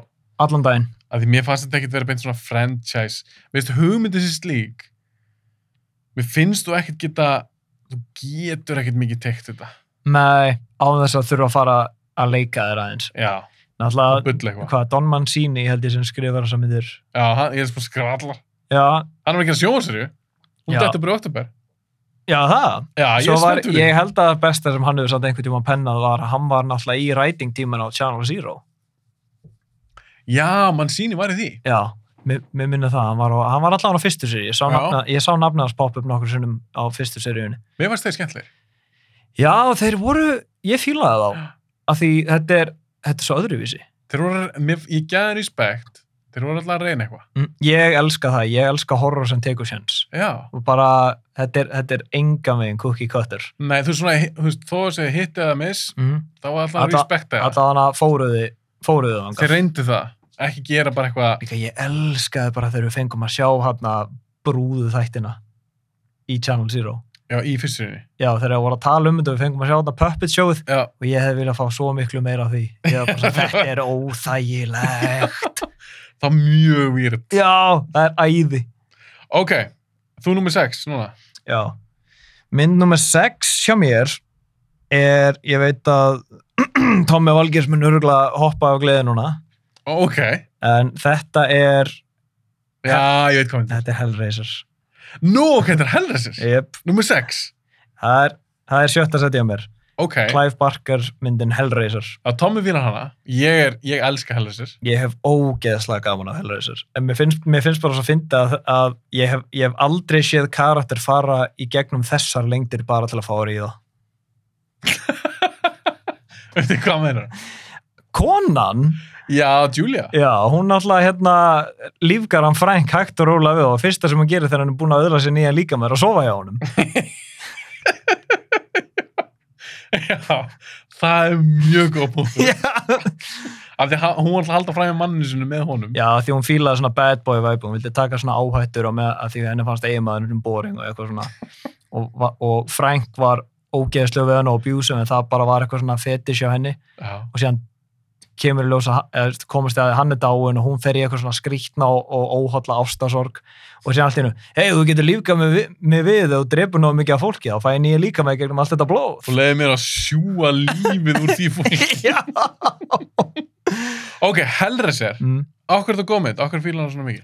uh, Praktikal effekts er stravagansa til að byrja með effektin eru æði Æðislega. uh, og líka þetta fer pínu út í svona smá lovecraft með hérna The Cenobites Já, meinar þá að maður eitthvað svona frænkar ógæslegur, en það er eitthvað stærri en hann. um Talum Já, og líka bara heimurinn sem þetta býr til, þú veist, eins og þetta puzzlebox sem opnar hann svona pyntinga heim og mér finnst svo skemmtilegt. Þetta var ekki eitthvað sem var minnst á í myndinni. Ég veit að það var, þú veist, þau eru svona pleasure and pain, svona verur, en í bókinni þá er þetta að þau get ekki skilgreint pain from pleasure, fyrir þú veist, að pynta einhvern er það sama og pleasure fyrir þeim. Já, fyrir Cenobites. Já, Já, þú veist, þau, þau get ekki lengur skilgreint mununa á að stinga einhvern og að kissa einhvern, fattur þetta er, þetta er Mm. það sama. sem er svo geðveikt. Mm Mhm. Mæling maður. líka þessi titill Hellraiser ég er enda hrifnar af titlunum á bókinni Með Hellbound Heart. já, me- en Hellraiser er klálega titill sem er hægt að selja betur Já, það er, það er, það er Hellbound meira Heart- grípandi. Hellbound Heart hljómar rosalega svona 50 Shades of Grey sem þessi myndi er að pínu þetta er bara hlottveikið útgáðan að þeirri sögu og hugsa aðeins lengra Ég er enda sá aldrei 50 Shades of Grey. svona, svona sadomasochism Eitthvað svona, já, kjaftaði. BDSM eitthvað Já. dæmi ok, Hellraiser Mér- Þú- manstu þú sást hana fyrst já, Þú veist, þú var væntalega búin að sjá því ég ætla hann svo þannig því ég var yngri, ég var búin að sjá coverið já vídeolega svona, en ég var ofungu til að sjá það mm. var það eins og þér, Sá- varst búin að sjá coverið og sást síða myndina, var hún öðri svona í Já, helst? ég var búinn að sjá Pinhead, bara plakatið, fattur og og maður hafði heyrt af þessu og ég, maður held náttúrulega að hann hétt Hellraiser bara því hann er náttúrulega framan á þessum plakatum Og maður myndirnar- og maður held líka að hann er kannski var aðaldri Já, nákvæmlega hann er ekkert mikið í myndinni Nei, hann er líka að finna þeirra ástæðan okkur hann er svona framalega í þessu að öll senobætin náttúrulega fá uppræðanlega miklu meira dialógu svona í bókinu og svona en út af hvernig Hellraiser og hinn senobætin eru hönnuð í make-up og svona á miklu öðuldar fyrir Pinhead að tala en hinna út af hvernig þeir eru hannaður já, eins og þess gæði sem er svona Já, með- kjartinn og hann Já. getur ekki talað mikið Nei, það er svona fekk Pinhead flestu líðanar. Skemmtilegt líka við Pinhead er að hann var upp í bókin er hann, er þetta kvennmanns vera. alveg rétt, já, hann glemur Þess vegna var spyrir að fyndi þegar er annánsuð að þá kannski að fara að endurgera Hellraiser með konu Pinhead. Mér fannst svo æðislegt að sjá kommentin missa sig yfir, að eru þeir að gera annað svona Gender gender swap kjaftaði og ég bara svona, ægi heila lausu lömb. En ég var búin að gleyma að það væri kona. Mm. Ég las nefnilega bókina. Helfón Tart. Pin, Pinhead er uh, hérna upprónulega ko- svona kvenmanns entity. Og svo líka Pinhead, það er aldrei notað í bókinni. Nei, þetta var bara nafn sem hún var að gefa. En mér finnst líka svo fyndið að því það er, svo, mik- það er svona stark munur á bókinni og myndinni sem er svo fyndið að því höfundur bókar en að skrifur og leikstýri myndinni. Mm -hmm. Þú veist, eins og ég held að dóttir þeirra var uppráðanlega, þú veist, kærasta einhvers í myndinni. Það, eða, þú veist, í, í bó, Já. dóttirinn í myndinni er kærasta einhvers í, í bókinni. Hvað finnst þér betri, myndin eða bókin? Það þurftir að velja. Mm, Ég, ég held ég þurfa að segja að ég, ég er meira gaman á myndinni. Ég er sammála. Mér finnst, mér finnst myndin betri en bókin. En alltaf því Clive Barker fær aðeins svolítið að leika sér með það að hann svona tekur það besta úr bókinni sem hann sjálfur skrifaði og sagði ég get Ég, alveg, ég veit nákvæmlega hvað ég get tekið úr og hverju ég get bætt við, hverju ég get breytt og maður má eða ekki kvart undan því að því þetta er höfundurinn sjálfur Já, já, ná, þetta er hans verk. Já, hann- Hann má gera sem hann vil. og hérna eitt sem ég finnst hann pínu fyndi er uh, blóðið til að byrja með þegar hérna, maður Julius sker sér upp hann bara á einhvern nagla Já, þetta er rífur svona. rosalega mikið blóð Já, það er alveg fossar. alveg farð á spítalan maður þetta er ekki eitthvað sem maður setur plástur yfir Af því að hann byrjar með dáðið, þannig vaknar Frank til lífs. Og þetta er svo mikið Mm. Já. blóð sem leka. á- sem er rosalega svona Christopher Lee Dracula Þú veist, papercut, blóð á gólfið Dra I'm back baby En við minnum um þetta, hann lappar á háloft, há, svo stupp á hálofti, já, þar sem að Frank hafi verið drefin, mm eða tekinn til helvítis af Cenobite. Hann réttir eitthvað út frá hendina eða Já. eitthvað, til, til Júliu, og það er bara svona, það er svo mikið þetta er blóð. rosalega mikið blóð ok, helra sér, eldast nú vel. mér finnst það, mér finnst hún- mér finnst hún eldast alveg bara drullu vel sérstaklega út af bara effektin er ennþá ógeðslega flott að horfa á og hún er rosalega artistik alveg, það eru mörg hell hellingar af verulega bara flottum skotum og ég held að svona sögur um óhöll sambönd og svona toxicity í því eins og possession og svona þetta er alveg hlutur sem því miður er ennþá í gangi í dag og ég held að þess vegna geta þess að sögur ennþá tala til ákveðin hóps af fólki. Já, meira við munum alltaf tengja eitthvað við þetta. Já, því miður. Já, Fattarðu? það verður alltaf þannig. en en það er það sem gerir þess að mynd svo áhugaverða fyrir mér en eins og ég sagði, það, ég hef aldrei séð neitt aðal að fara þessa lengdi til að fá að sofa hjá einhverjum. Ég hef aldrei hugsa þetta þannig. Þú veist, farðu bara á Tinder eða eitthvað. En mér fannst, það sem ég elska á Helra sér, ég minnir þess að hafi sagt þetta í podcastunni, Mm. ég sá hana svolítið seint. Já, Já, svona svolítið, svona með að ég á búin að sjá Halloween og Friday og þessar myndir. Og svo sé ég Helra sér, ég held fyrst að það er líka bara eitthvað svona kjaftaði. mm. mhm. En svo er alveg saga, og sagan er miklu áhugaverð en ég held. þetta, er, ó- þetta er mjög gott sko. Þetta er, bara- þetta er töff saga, hann er að reyna að reyna að sleppa úr helvíti. -hmm. Frank, hann verður að að gera sig heilan áður en Cenobites fatt hans við farin. Jep, Mér finnst það svo töff hugmynd. þetta er ógeðslega skemmtileg umhund líka. Ég, ó, það er svo, ég, það er mér finnst svo ógeðslegt þegar hann færa hann að krókana í gegnum húðan á sér. Þetta er, Það er ógíslegt. þetta er viðbjóður. Já. Svo líka svo, ég held að s- hann segir það, minnum við sen, nei, sem sagt, pinnið í myndinni. Angels to some, demons to others. Mhm. Það er svo cool, eins og þú svo tala um í bókinu, þeir, eru ekki, frá- þeir gerir ekki lengur greina með ná, kissa eitthvað eða stingi eitthvað. Já, Mér finnst það svo geggi pæling. þetta er rosalega out there. Og það er það sem ég vil fá í hryllingsmyndum. Ég vil fá eitthvað svona aðeins með out there. Ég skal gefa Malignant, eins og hann sagði, ég sagði, ég sagði fyrst Malignant, ég- eins og svona Silent G. Já, En það er Malignant apparently. Mhm. apparently. Og hún er mjög out there, en þetta var ekki fyrir mig. Nei, ég á eftir að sjá hana. Já. Ég, ég er samt spennt að sjá hana. Ég ætla ekki að segja það meira. Farðu Nei. bara- Farðu bara blind. Ég fer alveg blind. Mm. Ok, heldur sér, hvernig þessi framhalsmynd var? fyrir út í game, maður. Sástu þær- sástu þar alla? Nei. ég þólaði því ekki. Þetta var orðið helvítið þund maður. Sturlu stærri það, Mike Flanagan, Mm. Hillháskæðin, Já. hann hérna, fyrsta hryllingsmyndin sem hann sá í bíó var Hellraiser 4 þegar þið fór út í game. Heldur sér fjögur? Já, eða eitthvað hann, ég held að hann fór út í game í Aha, 4. Jú, hann fyrir þetta í Game 4. Já. Eða sem hún gerist, þar fyrir þetta líka svolítið svona í backstory á, Já. á Þa, kub- kubnum það og var svona. fyrsta hryllingsmyndin sem Mike Flanagan sá í bíó.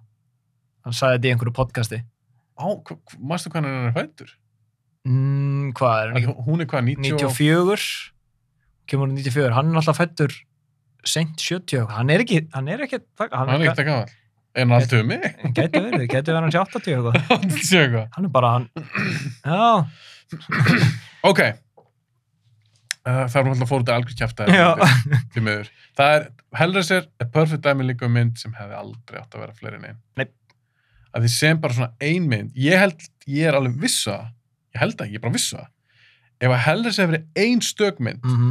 það er ekki komið þessar framhansmyndir, þá væri hann að ranka ennþá harra á öllum horrorlistum. Já, ég, er mjög- ég er sammálað þessu. Af því það er eitthvað við franchise kursið sem tekur frá Uppröðu. uppránlega myndinni. Já. Svona eins og fyrsta Nightmare on Elm Street. Já. Æðislega mynd, en þær eru náttúrulega biljón núna. Þannig að Það fóði eiginlega þetta. líka, þú veist, eins og með fyrstu Halloween, þetta er franchise, þessar þrjár myndir inn í þessu franchise heita Halloween. Það er alltaf, já, Halloween, jésus. Fyrsta heitir Halloween, endurgerðin heitir Halloween og síðan kemur unofficial sequel að fyrstu tveim sem heitir Halloween. Sem heitir Þetta Halloween. er bara svona, herðu, þetta er orðið svolítið erfitt. Þetta er komið gott. Mm. Ok, hvert eru konir? Er ég konir 5? Já, Varst þú ég, ekki nummer 6? Var ekki Hellraiser 6 eða? ég heldur þess að var nummer 6. Ok, nummer 5 er mynd sem að er masterpiece. Ég varð að hafa hana með. Ok. En ástæðan kannski fyrir hún rankar ekki herra er því hún er kannski ekki hún er ekki í það miklu uppáldi á mér. Ok. En samt í það miklu uppáldi hún nummer 5. Mm Top 5 er gott slott. Það er nákvæmlega. Og það er The Shining. Vá, wow, nummer 5! Það er interesting. Og ég, held- ég, held að, ég held að ég er í bröðtriðandinn. Ok, er hún listan á þínum? Hún er. Hún vilt ekki segja um hvað er. Fjör. Það kemur ljós. Nummer 4. Ó, ó, Vá, við erum bara það er bara liðið lið. Ég er bara nummer 5. Ok, tökum bara Shining spjall. Ok. Æðislega mynd, Já, hún er, hún er frábær. eldist vel Já, ég á reisastótt málverk af The Shining í herbyggjunum mínum. Er þú geta fyllt stúdíu eða alls konar drasli? Aftur, gjöf frá mömmu. Og mamma þín er bara algjör snillingur Já, en hún er líka, ég, hún bara er, er örgulega jafn trubluð í höstum og ég varandi rollveikur. Steins og ég segi, hún var ólétt með mig þegar hún sá Seven í bíó, ég held að það segir allt sem þarf. Og það er uppáðsmyndina Mm Það er áhverð, það útskýr margt, Óli -hmm. Hvernig þú ert Mhm. Ok, Það útskýrir aðeins og mikið The, kannski. The Shining Þú rankar hann allan frekar hátt Já, hún er í fjóraðsæti. Já, það er mjög gott Komst ekki í topp þrjú samt. Ég held að hún er í topp þrjú í þér. Nei, Fúf, hver allir restina þessum fokkin lista sér? það kemur í ljós Kemur í ljós Ok, Shining Mér finnst hún eldast mjög vel Ég sá, ég keift hann á Ég sá hann, ég keift hann á Blu-ray Mm. fyrir nokkrum árum og það var eitthvað búið að reynsa hana og eitthvað remaster með eitthvað og það var sem hefur verið tekin upp bara í gær Já, og það er svo geggjað líka Máni komið svo skemmtilegan punkt hann sagði, þegar við vorum að horfa á hann hann sagði, hvar er framleiðslan? Við komum, hvað talum? Þetta er bara hótel Fattar mig? Já, basically, hann var að tala um þetta lúkar ekki svo sett Nei, Nei, Þú veist, hann sagði bara þú veist, alveg, hvað var borga fyrir þetta? Var einhverjum gæja bara gefið þú veist, kalkun og lók út úr sjopp og fengið að fara á hótela þessi við vikuð það? Þú veist, já, ég er nefnilega ég, þetta- þetta er geggjað punktur þetta er líka svo lifandi Já, en hún- það er líka hönnunin eldi svo vel mm. og allt þetta dótist þegar Danni er á hjólinu og Já, hljóðið þegar hann fer yfir teppið og allt það já, ég elska sounddesignið Þetta er geðveikt, maður Það var hérna, ég sá The Shining rosalega seint en ég, ég á rosalega skemmtilega sögu af þeirri mynd og þú mun dýrka þetta sko. Hvað er maður? Þegar ég var í grunnskóla þá hérna, ég var ekki ég var ekki vinsalasti alveg, ég held að það segir Nei, svolítið þú ert sjálft. horror, horror nördið Já, ég var það samt ekki fyrir en ég var eitthvað 12 ára eða 13 Mm. það, Nei, ég byrjaði reyndar að horfa á hor hryllingsmyndir af miklum áhuga meira á setni úlingsárunum, Já. ah. að því fyrst væri bara ég átti eftir með að horfa á þetta Já. en ég er að reyna að muna í hvaða bekk ég var þetta var örugglega svona, hann langar að segja sjötti bekkur, skjótum á sjötti bekk Ok, þú- hvað, 11 ára? Já, eitthvað hannig. Þá hérna, hafði ég heyrt að, að fótballastrákanir, þeir fóru í einhverja svona fótballaferð upp á land Ah. og síðan um kvöldi þegar þeir voru upp á landi þá var verið að horfa á bíómynd Mm. og þeir horfðu á The Shining Mm. og mér var við sagt að það vor, þeir voru að deyja Mm. yfir þessari mynd að því þjálfarinn, hann Óli Týr, mér minnir að hann var að vera að þjálfa á þessum tíma Mm. hann er náttúrulega horrorfan líka Já. og hann bara, æ, þú veist, þetta er bara, þetta er bara gömur hryllismynd, þeir höndla þetta alveg Mm. og það voru sumi sem bara, þú veist, þurfti að fara út úr herbygginu, það var aðeins sem báðanum að slökka á myndinni, mér finnst það æðislega saga Þetta er góð saga. af því þetta segir svo mikið um The Shining Ok, ég- þá ætti ég að spyrja út í eitt í sambandi við hana. mm -hmm. Að því mér finnst það masterpiece mynd. Mhm. Og þegar ég sé hana, þá var ég úlingur já, og bara fannst hún frábær. En nú ætla ég að segja eitt sem Já. er kannski umdelt. Ok. Mér eru aldrei finnst þú skeri. Ok, ég get, ég get skilað það. Að þú skilur smá hvað ég á við. Já, hún er, hún er óþægileg. Já, ég meira þetta er- þetta er horrormynd Mhm. og það er sem skotiðin í geggi og allt það. En ég man, mér sem því ég var úlingur. Mm. Ég varð aldrei svakana hrættur. Nei, en mér, það er það sem gerir samt svo skemmtilegt við sem var hryllingsmyndir er að jafnblótti finnst hún ekki skerið þegar getur fundist hún nógu góð. Já, ég meina, mér finnst þetta Hún frábær er mynd. æði. Þetta er geð, ég meina, hún kemst á fintasetti á mér. Mm. mér finnst hún geggjuð Nei, eitthvað svona geggjaður, bara allt í henni hótelið, finnst mér svo æðislegt þessu tölum á hann og mér finnst það geggjaður punktur um á hana Mm. virkar svo alvöru eitthvað og svo er mitt las ég eða heyrði, heyrði eitthvað, sá eitthvað viðtal og þú hefur örgulega heyrt það, þú veist mikið svona behind the scenes sögur Já. að hótel er vist hannað þannig að það meikir hún ekki alveg sens Mm kannski einhver hurð þarna eða stíi þarna og þá geta ekki verið herbyggi þarna eða til þess að gefa þessa tilfinningu bara ómeð þetta mm. það er eitthvað off við hann að stað. Já, og það er líka gefið þér svona sömu innjálókan að kenda á karakterarnar því þú veist ekki alveg hvar þú ert inn í hótelunum. Já. Og ég ætla að segja það, Lloyd the bartender atrið þegar við sjáum barþjónu fyrst, ég held að ég geti sagt það að þetta er uppáhaldsatriðið mitt í bíómynd ever. Ha, á hverju sér það? Af því þetta er svo ónáttúruleg sinna. Við sjáum Jack Torrance lappa inn á barinn, það er engin að þetta er líka risastór fucking bar inn á þessu hóteli. Síðan bara svona hallar hann höfuðið, síðan byrjar hann alltaf inn að tala við myndavælun eins og hann sé að tala við okkur. Bara hæ Lloyd og lítur svona í kringu sig, brjálega að gera og springur svo bara á hlátri. Svo köttar þetta bara á einhvern barþjón sem er eitthvað bara svona stendur aðeins of langt frá barnum, hann er ekki upp við hann og bara svona yes Mr. Torrance og lappar sér svona hægt á hann ég man þegar ég sá þetta aðrið fyrst ég var alltaf að býða eftir að ba barþjóðnum myndi lunge á hann sko Þetta er góð mótur. mér fannst þetta ógeðslega óþægild aðrið að því hann, hann er alltaf, þú veist, augun hans er alltaf svona eiginlega bara svona horfandi svona á hann alveg, er hann að horfa blíðlega á hann eða er hann að ímynda sér að drepa hann Já, já, já, já, einmitt. og Það var bara, svona off við aðrið. já, og bara alveg peningarnir þínir skipti ekki máli hérna það er allt fríkt og maður er bara svona "Ah, það er eitthvað, það er eitthvað ekki í lagi hérna Það er eitthvað skríti í gangi. þetta er rosalega skrítin sena sko Já, þegar þú segir Og- það, ég, ég man eftir nefnt, sko. og ég man líka þegar ég var að sína vinnum mínum sem, ekki, ekki sínaði manna það var bara, þeir voru að sjá hann í fyrsta sinn Ha, og ég man bara þegar þetta atrið var að fara að byrja ég var bara, oh my god, þetta er uppáhaldsatrið mitt er að koma af því þetta er líka uppáhaldsatrið mitt bara í myndinni Mm. og þegar þetta atrið var búið hann brekið unum og sagði fokk hvað þetta var óþægilegt shit, ég, það er svolítið sinni sá sér, ég þarf að rifja hann aftur upp. mm. En Þetta er alltaf bara, þetta er svo mikið masterpieces. Þetta- þetta er mistarverð sko, ég, Kolfinna frænka mín, hún, ég elska að horfa á þessa mynd með Kolfinna frænka mín, af því hún Ah. er líka horrorfanatic, Ah. uh, fætt 31. oktober, fætt á hrekkjaugunni sko Það er enda cool. uh, hún er með mesta crush í heima á, Se- á Jack Nicholson Í þessari mynd er þetta Bara yfir höfuð. um Alltaf. Er bara Elskar uppáðsleikar Jack- það er uppáhaldsleikar hennar hún elskar Jack Nicholson, sérstaklega í The Shining það var bara, það var eiginlega bara erfitt að horfa á að horfa á þessa mynd með henni ég var bara, heyrðu, þarf Og ég, svo skoðin í hún. það bara þarf ég að gefa ykkur herbyggið eða það er Ok, bara, þá verður ég að spyrja, er þetta besta framistæðan að Jack Nicholson? mm, vá, þess, þetta var góð spurning ég verð að segja nei Hvað er það með huga sem besta? mm, sko, ég er mjög hrifun á hann mér að skuldast it gets pínu, Ah. pínu öðri, pínu öðri sér framast ég veit að það er auðvelt að segja performance sem að vann Óskar fyrir Já, við vann hann ekki Óskar fyrir hana. Jú, þriði Óskarinn hans Vann hann fyrir Shining?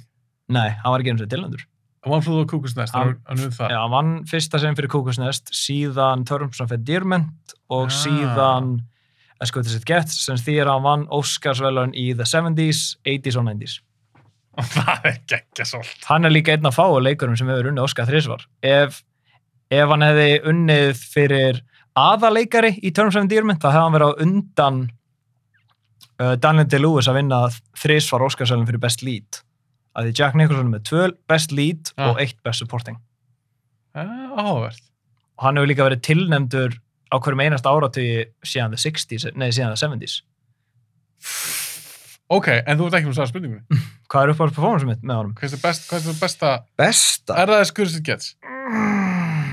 Nei, Þetta er svo erfið spurning, ég er að reyna eða veistu, ég, ég held ég þurfa að segja Chinatown, Já, Mér finnst hann æðisluður í Chinatown ég, ég, ef ég gott pick. bara gun to my head, þá segi ég Chinatown Sitt það er hann mynd sem það er að rifja upp maður. hún, er- hún er æði. Hva, hvað er hún? 70, 74. 74, já. Roman Nú Polanski. er, nú er heldur töff maður. Er, já, flott mynd, handriðið er líka rosalega gott. Var það Robert Downey sem skrifaði það? Já. Já, mitt. Hann líka, síðan kom hann að framhaldsmyndin, hann að The Two Jakes. Ég sá hann aldrei. Ekki heldur. ok. En ég er búin að heyra hún sé allt í lagi.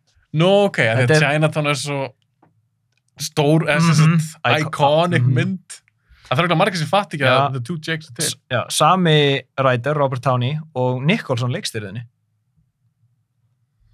Já, þú segir nokkuð. Ég var búin að glemma því. Mm. Hefur Það- hann leikst í flöru en það? En þeir, Ég held að hann hafa bara leikstyrð einhverjum tveim, þreim myndum, sko. Já, svo bara hægt hann. Já, þú veist, sumi leikarar prófa leikstyrðarstólun af og til en þeir bara finna sig ekki í gýrnum. En svo ertum við að vinna svo Clint Eastwood, þeir prófa leikstyrð og svo hætta þeir ekki. Þú eru 90 okkar ára. ennþá. Hann er 91 árs og hann er að fara að gefa út mynd sem hann leki og leikstyrði ár. Þessi gæi er fucking hetjan mín. Hann er maskina. Ég elska Clint Eastwood. Hann er, Ég líka. hann er topp 5 leikstyrði á mig líka. Áhugavert. bara ég ber svo mikla virðingu fyrir þessu manni, hann gefur út misgóða myndir en það er alltaf eitthvað persónlegt á bakveðar Geymið þetta spjall. Það getur vel verið að kannski gera einhvern Jenny Eastwood þátt. ég á heil, það er heil hilla í DFD-villinu minni til einhver klint ístofmyndum Ok, að því mér langast að það að gera í tóknum um daginn með Kíló eftir að gefa Mm. hann út Tom Cruise þátt. Mér já, langar að ge- mér finnst gaman að kannski að það var alltaf planin líka. Mm. Að hafa eitthvað svona þættir sem eru tilengaðir leiksturum eða leikurum. Mm. Ok, höldum áfram. Ég er með Shining, hvað ert þú með? nummer 6 Nei, nú með já, 5. nummer 5 ég voldi að 2 ok. Æ, villu mynd. Þurfum ekki að tala meira um við hana. erum ekki að tala of mikið um hana þetta Nei. er bara við elskum hana mynd sem reymi er Æ, aðeins slöður villu mynd. maður. það er nefnilega því það er svolítið fyndið að því síðan er mynd nummer 4 hjá mér The Shining líka Það er að Shining. tvær myndir sem eru búin að koma Við erum búin að cover þær. Ok, Evil Dead var nummer 5 hjá þér og nummer 4 hjá þér er Shining. Nummer 4 hjá mér, nummer 4 hjá mér er...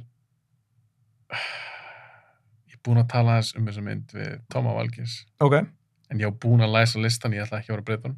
Nei, það Læsa get, listanum. það get, sko ég, ætla, ég er ekkert frá því að to- þessar síðustu verða öruglega mjög svipaðar hjá okkur Mhm. en við ætlum samt, ég, ég ætla samt að reyna að bæta alltaf ofan á Ok, nummer 4 hjá mér er mín uppbóls Krónabergmynd okay. sem heitir The Fly. mm Mér finnst þú bara... Mér finnst þú masterpiece. hún er snild, The Fly ég er mitt hérna fekk að sjá skrýning af henni þegar Kronenberg var á Íslandi Já, þú sé- sást hann í bíó og all. já, ég fengi að hitta Kronenberg Áttu ekki myndaðan með Krónaberg? ég á mynda með með Kronenberg, ég á The Fly og Videodrome áritaða þar sem hann, og hann áritaði líka hatti minn það er ekki. Herri, þú síndum við mynda því það ekki. Mhm. Minni það. Ok, þá ætla ég að spyrja, þú ljómar þessu mikill Krónaberg maður. ég er mjög mikil Kronenberg fan Hver er besta myndið það? Sko, Að það er, þínu mati. það er mjög auðvelt að segja The Fly. En það finna er, ég á mjög erfitt með að velja hver, hver mér finnst best, af því ég er alveg hardcore Kronenberg fan. Er búin að sjá þar allar? Flestar, af því þegar ég var að búa til hann að lista, ég, ég var, það hefði auðvitað geta verið alveg tvær, þrjár, fattar við. Þetta er bara getur Krónaberg listi. Já, eða þú veist, ok, ég hef aldrei sett skannir saman inn, fattar við. En Lélega. ja, bara, uh, hún er bara svona eldist mjög svo vel, fattar við, og mér er hroll. Þetta er ekki verið. En, þú veist, ég hefði getað sett Dead Ringers með Jeremy Irons. Já, ég sá, það er bara nokkra sem ég hef ekki séð. og ef hún hefði komið út tveim árum setna, neða tveim árum fyrir það hefði getað sagt Naked Lunch, hún er æði Var Pítur hérna? Veller henni? já, hún er, hún er snild sko ég, ég, mynd- ég er mjög hrifin af Kronenburg það er hérna ég hef svo mikinn áhuga á já, ég hefði líka bara getað sett videodróm á listan fattar en Já, eins og hún, er hún, ég átti að sjá hana, Mm. er hún ofsteikt nei, þetta er, hún er trubluð á góðan hátt? já, þetta er þetta er um hann, hérna, James Woods basically kemst að svona svona underground ring af fólki sem býr til snöfffilms og það, Það, það hljóma vel hérna. þetta. já, það er líka svona body horror í þessu og eh, eh, það kemur interesting approach á body horror ég elska hvernig Kronenberg fer meira svona út í body horrorið og hvernig þetta er svona einhvern veginn áróður á ákveðna hluti Er hún og mikil þvæla? Eða er það alveg svona... mm, ég get ekki sagt að videodróm sé mynd fyrir alla en ok. en mér finnst hún, mér finnst hún mjög góð ég myndi hérna fekk Kronenberg til að skrifa tagline myndar hennar á Blu-rayði fyrir mig ekki bara árita nafnið sitt ég spurði hvort hann gæti skrifa Long Live the New Flesh það daglinni. Jep. Og hvað, menn talar eitthvað við það? já, skemmtilega var sko, hann var að árita í Nexus Ah, og ég mætti þangað ég fóð tvisverri röðina til árunda Nei, ég var því fyrst er að ég fór árunda og náttúrulega var ég svona ég var, þetta var í fyrsta sinn sem ég fitt celebrity orðið starstruck Ah. ég, ég verð vanalega aldrei starstruck í kringum, í kringum frækt fólk þú veist, bara eins og ég hef spjallað og átt gott kvöld með Ezra Miller og við erum e-mail buddies fattar hann misti það samt svolítið. Já, þess vegna talaði ég ekki við hann lengur. En, Berði ykkur að stelpur á Íslandi. já, og- en sko, ég man bara að ég var stjarfur þegar ég hitti Kronenberg sko, og, Hann er líka íkon. Mhm. og ég glemdi að láta hann áreita hatti minn sem ég ætlaði að byggja um fyrst. Ah. Þannig ég fór aftur í röðuna sem hann geta áreita hatti minn. Eh, Skemmtilega var, eftir að þetta var búið, þá hérna var Kronenbergan ennþá, bara, svona, bara chillandi með fól, Nexus fólkinu, Ah, að þau voru, ég held að þau voru að býja eftir að Páll Óskar var að koma, því Páll Óskar fekk líka hittan. já, já. En ég var bara, ná, ég bara, heyrðu, fuck it, ég verð að prófa þetta og ég fór bara að hilsa upp á Krónuborg og ég fekk að spjalla við hann. Bara, Var hann- Virkaði það næs? hann var mjög næst, hann var mjög almennlegur og ég gleymi aldrei að því ég var að tala við hann og eitthvað svona og hann, hérna, setti hendina sína svona á öxlin á mér á meðan hann talaði við mig, svona rosalega vinnuli. Ég var aftur bara, ég var að reyna að fríka ekki út. Hvað var þetta? Varstu það? 2015. Nei, þetta er 2016, þetta er á 30 samanlega fly. Já, já. Djöfn, ég vilja fara líka. og hérna vinur minn Helgi hann, ég fór með hann á The Fly þessa síningu, ég átti tvo með það og það skemmtilega við það er að Helgi hafði aldrei séð The Fly þannig að hann fekk að sjá hann í fyrsta sinn Í bíó. í bíó á Q&A síningu við David Cronenberg Shit, það hefur verið klikk. þetta var æðislega sko, það var líka gaman að horfa á þessa mynd með Salome eins og þegar hann er að taka af sér nöglina, þetta er viðbjóður það er aðri í þessar mynd sem eru fucked up. mm. en ég, ég ætla að reyna að spara aðeins mitt spjall á The Fly því hún er á listanum, Ok, ok, ok. þannig að þú mátt segja mér hvað, af hverju þú elskar hana og svo get ég farið út í mitt tangent á eftir Ok, fint tangent. Mér finnst hún rosalega áhugaverð. Mér mm. finnst hún eldast mjög vel. hún er líka svo gott approach á remakeið varandi það þú veist, uppránlamyndin er bara gæði sem fer í gegnum með klóning, er bara einhvern með, með einhvern fluguhaus og er bara hlaupandum og eitthvað Já, ég sá reyndar ekki upprænlegu, mm. en hún virkar alveg svolítið svona kjánalegri, Mm. heldur en þessi Krónuberg útgáfa. það er bara það sem þeir gerðu svo rosalega vel í því eitist, þeir tóku myndir sem höfðu áhugaverð koncept svo í alvörinu nýttur eins og það, eins og það blob fattar Já, eh, the Thing, já, bara gert eitthvað almennlegt út úr þessu já, algjörlega. Mér finnst þau æðisleg, Mm. Gene Davis og Jeff Goldblum. Goldblum er alltaf æði En þetta eru öruglega uppáhalds Jeff Goldblum hlutur ekki mitt. mm. Ég held það.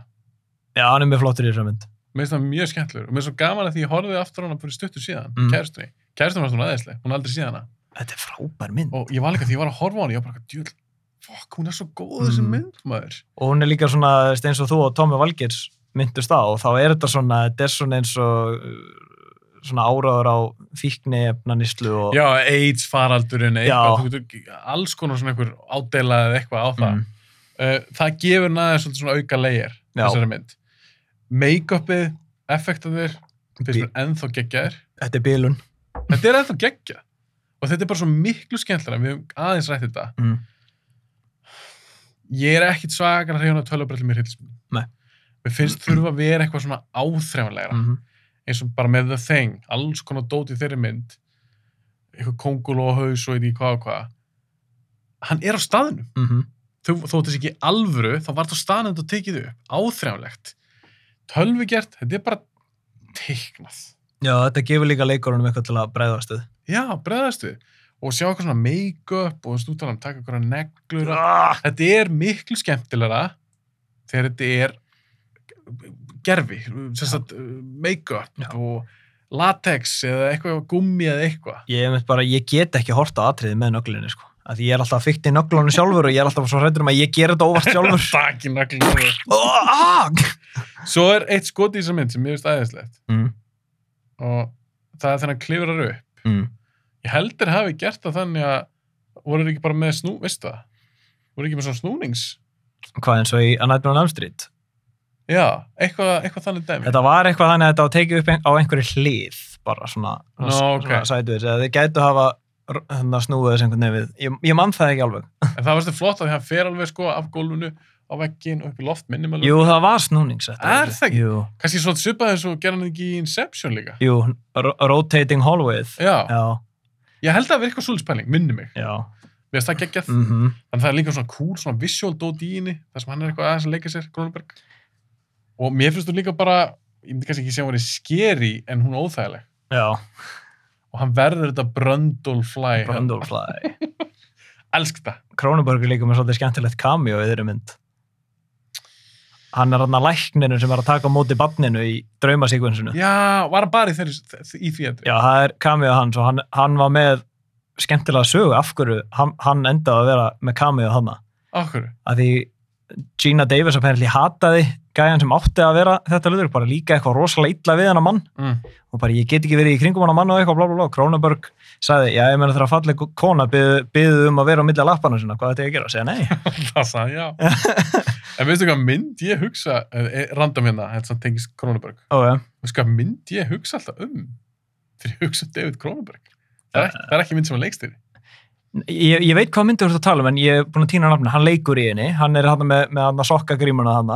Leikum morðingin. Já, já, já, ég, ég er búin að týna nafna á myndin en ég veit hvað þú ert að Þú tala um. veist hvað myndin þetta er. Já, Nightbreed. Nightbreed, thank you. Hann er æðisluður í Nightbreed. Gekkja. Hann- Akkur leik hann ekki meira? Hann er svo, hann, hann lítur út eins og hammerfígóra, nú þurfum við minnist á þetta. Hann Er, það er eitthvað creepy við hann. Já, það er eitthvað krypið við hann. hann. Ég myndi ekki vilja mæta honum í myrku hús, húsasundir, sko. Nei, hann er alveg svona frekar stórt hlutverk í Nightbreed. Já, hann er, hann er, ég þarf, að, ég þarf að fara að horfa á Nightbreed áttur. Hún er ekki svakalega góð, en hún er alveg svona lala skemmtileg. Mm -hmm. Það er alveg Clive Barker. Já, alveg rétt, þetta var klæðið barkar. En já, F- The Fly var í, hvað, fjórðarsæti hjá þér, sagði það? Hún er í Fimmta. fjörða, fjörða sem þeimur. Hvað ertu, þú er komin nummið þrjú? Já, því The Shining var í nummer fjögur. Já, Er ég þá að fara í nummer þrjú? já, Það er mynd frá 1980 ok. kemur út sama ára á The Shining en ég sett hana yfir The Shining hún er með George C. Scott já, hlutur ekki, Er þetta Changeling? þetta er The Changeling Hún er frábær. hún er stórkostleg Hún er spooky. mm Mhm. það er svona að setja hann yfir The Shining Já, þú ert með hann í þriðja sæti. mm -hmm. Ég veit að Siggi félagi minn, sjátt að hann ef hann er að hlusta hann á það, Mm. hann dyrkar Changeling. Hann Ég- ég... bendi mér á hann þessum tíma. ég var næstum því búin að hafa hann sem nummer eitt Nei! ég var næstum því búin að gera það Þetta er ein besta haunted house mynd sem einhvern tímann hefur verið gerð og ég elska draugasögur, ég elska haunted house og ég elska George C. Scott Mhm. hann er, þetta er eitt besti leikar sem upp hefur verið. Ég vildi óska að Exorcist 3 hefði komið út 89 en ekki 90, af því þá hefði hún verið á þessum lista líka. Exorcist 3, ég sá hann aldrei. Hún er frábær, Aha, hún er stórkvöldsleg. Bara, ég held að það var alltaf russlegt í fyrstu. nei, hún er, nei, Exorcist 3 er æðislemynd. George C. Scott er að leika löggu sem er að afhjúpa allskins morð og fórhundanlega finnast öll blóðlaus og vantar hausin á þeim. Nei, Mm að það er svolít mynd. hún er æðisleg, hún er líka með rosalega gott dialog dialog í þessar mynd er ógeðslega gott og hún er með svona eitt af mínum uppáðstegnd af horror er implied horror, að því þegar að hann Josie Scott er að skoða líkin, Ah. við fáum ekki að sjá líkin við fáum bara að sjá hvernig hann bregst við að sjá hana viðbjóð. Finnst þið það skemmt... sjá hann viðbjóð. Finnst þið það skemmtilegt að fá að sjá viðbjóð? Já, náttúrulega, það er, mjög, það er stundu gaman að sjá þetta en þetta er bara ekki þannig mynd Já, nei, ég skil þig. Hún virkar betur svona. mm. hún, hún er alveg súræðir líka á köflum, hún er líka með heimsins besta jumpscare, þannig að, Exorcist 3, já, frábært tengist hún eitthvað? Já, hún Þar, þar er ég verið búin að sjá 1 og 2. það, ekki tvö, það, það var enginn að þurfa að sitja ekki um Exorcist 2. Ég sá ekki 2, ég sá bara fyrstu. Fyrst, hún tengist pínu fyrstu, þú veist að það var búin að sjá fyrstu. En hún, sta- en hún er nógu standalóna því hún er byggð á annari bók eftir William Peter Blatty Ah, sem heitir Legion, Mm. en þeir vildu auglýsa hana sem Exorcist 3 af því þetta er frá William Peter Blatty sem skrifaði En bók. þú veist, er þetta sem sagt eitthvað svona possession dæmi og eitthvað? Já. Já, ok, ok. Það er svolítið svoleiðis og Brad Dourif er í henni, hann er vondigæðin. Nei! Hann er, hann er djöfullin, the Gemini Killer. Hvað sér það væri frá 90? Ef hún hefði komið út 89 þá hefði hún örgulega verið á top 5 hjá mér sko. Ok, Exorcist 3, byrju, nei, byrju, hvað var það um? Changeling? The Changeling, með Ok. Jo- ég fór bara í svona smá George C. Scott ræðu, elska hann um hann. Eldist hún vel, en átt sér sást hana? Nei, Nei. þú sást hana alltaf bara um daginn. Ég horfði á hana bara í gær og í dag. Ó, í dag! Já, ég, ég þurfti að velja. Ég var að raðinni á millið The Shining og... Ok, þú Ég- ert alltaf hardcore kvömyndahamar. Mm. Ok, Changeling, ég hugsa þetta sem mynd sem margir eru ekki búin að sjá. Öruglega ekki. Þetta er rosalega mikil svona cult sleeper mynd. Af hverju er hún svona ofalega hér? Hvernig myndur þú selja fólk henni sem ekki sé hana? Þetta er um... Hún er rosalega svona creepy, þetta er haunted house mynd hún, hún er Mhm. ekkert feimið við það en, náttúrulega- en þegar maður gerir haunted house mynd í dag, þá þarf maður að fylgja ákveðnu klísjum Mhm. Changeling kemur út áður en þetta verða klísjur en sagan er bara svo rosalega flott þetta er um Josie Scott sem hérna er hann er miður sín yfir að hafa mist konurinn sín og dóttir Mm. og hann er bara einmanna og hann er líka svona composer og kennir tónlist og hann flytur inn í svona frekar stórt hús til að, vera, til að geta einbeitt sér að vinnunum sinni og hann byrjar að taka eftir að það er eitthvað ekki rétt í húsinu Mhm. það eru hljóð sem er að myndast út af rengu það er bara, þú veist, eins og hérna, boilerinn í fokking húsinu er bara með endalus læti bara lagninnar eru klárlega ekkit í lagi og alltaf klukkan 6 á hverju morgun er þetta með læti í 30 sekundur og hætti svo bara en það sem ég elska við það er hvað er það fyrsta sem hann gerir, hann fær einhvern gæði til að skoða þetta þetta er mjög gáfaður horrorkarakter hann svona byrjar að hann er að reyna að finna ástæður Mhm.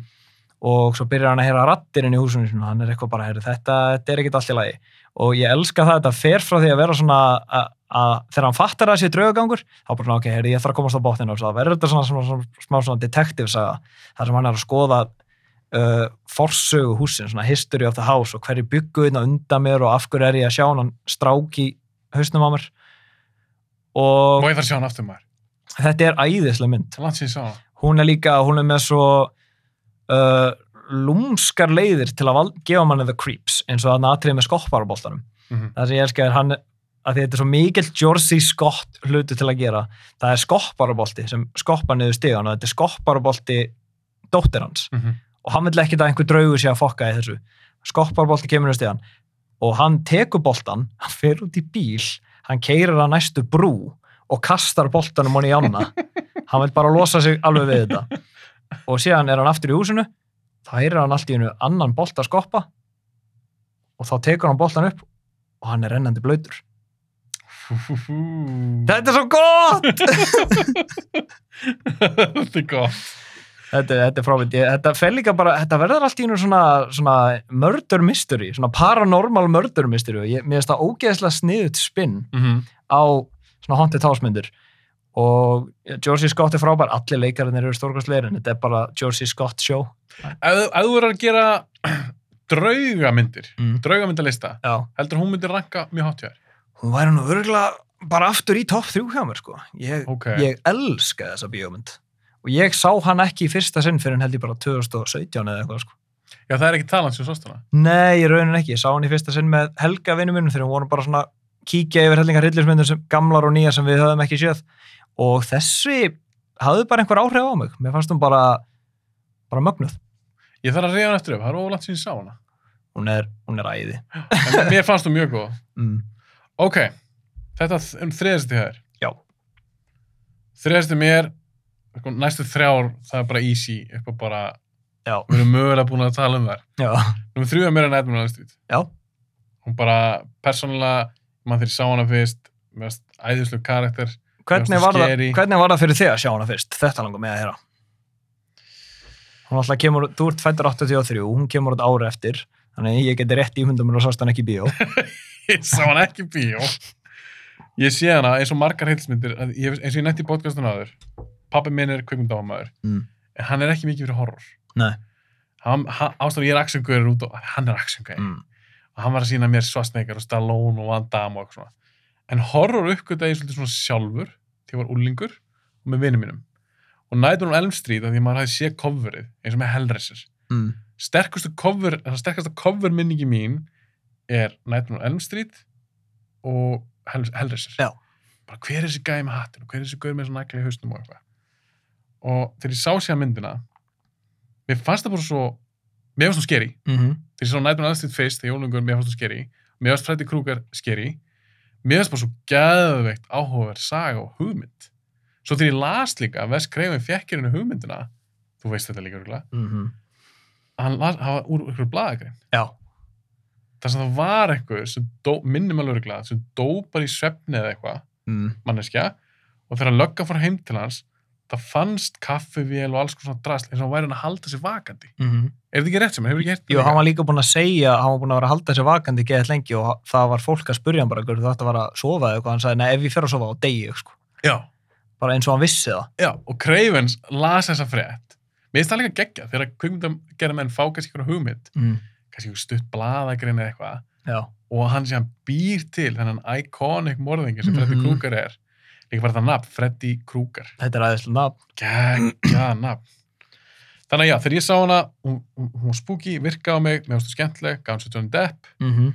Mér finnst partur af henni, eldast nokkuð vel, Mhm. mér finnst aðri partur af henni, mér er svo leitt að segja þetta, já, eldast ekki nógu vel og mér finnst hefði langenkamp ekki góð í þessu. en John Saxoninu, ég elska hann John Saxon þannig já, það er svona mitt mitt take á, á Nightmare on Elm Street já, ég mynd, elska hana, ég mynd, setti hann, hún var bara í nýjöndarsætti á mér bara því, þú veist 80s horrormynd, þú getur ekki búið til top 10 list að hans hafa Nightmare on Elm Street þarna en eins og ég segi, ég, ég ber svo mikla virðingu fyrir þessu mynd bara varðandi frumleikana á henni, mér finnst þetta svo þetta er svo rosalega out there cool saga, það er svona svona hugmynd mm, líka bara gott spinn á slasserun A- algjörlega, algjörlega ef þú ætlar að gera slassermynd þá, þá þarftu að brjóta formúlun og svolítið mér finnst líka alveg, s- þegar maður tala um slasser þar eru taldar slasser myndir mm.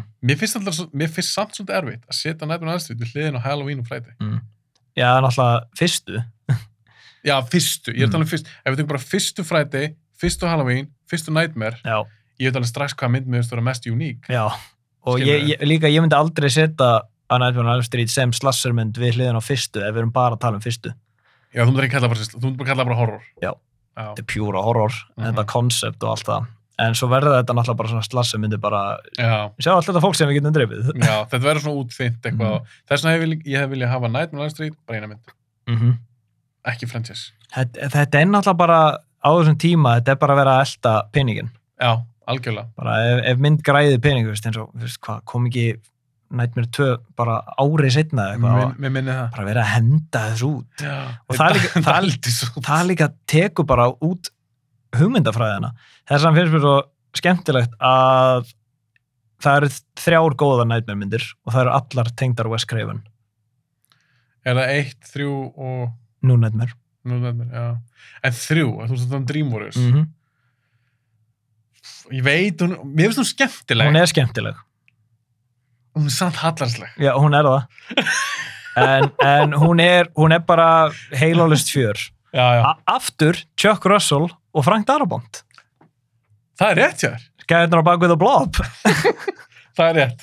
En ég man bara það er svona, það er eitt karakter í henni, það er einhver kona. já, sem bre- þau verða, að þau heitum það Dream Warriors, mm Mhm. verða eitthvað svona þess að fyrir það sem að hlusta Óla er að gera svip hún verður eitthvað svona gett svöl gella Mhm. með hanakamp já og svona eitthvað switchblade nýfa eitthvað Mhm. svona leð mér finnst það samt skára en The Wizard Master eða eitthvað sem veist þarna dun Já. Dungeon Masterin já, en hann er bara nörd, skilur við já, en hann er samt í þessum þarna Wizard búningi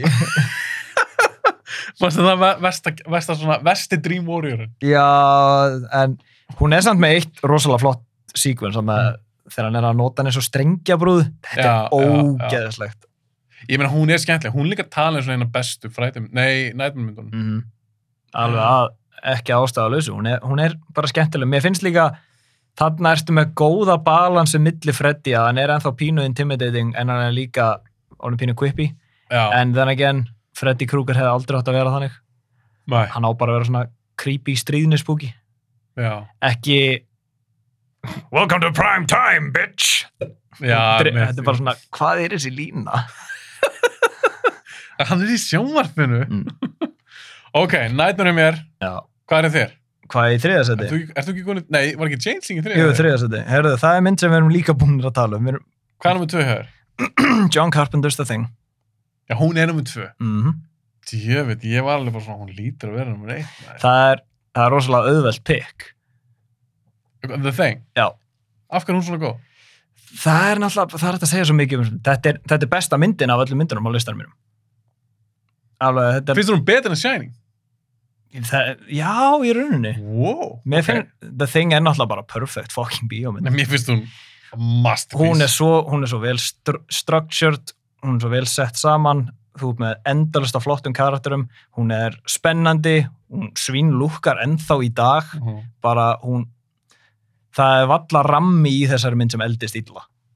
það er bara, Sammálaður. það er bara þetta eina matt painting skot sem trubla með, en það er bara því ég veit að þetta er matt painting. Já, já, já, já. Það er bara, Ég sann, maður var alltaf fyrirgjöf. veistu hvað mér samt ógislega fyndi við það þing? Já. Hatturinn hans með krítis. Þetta er stærsti hattur sem ég sé.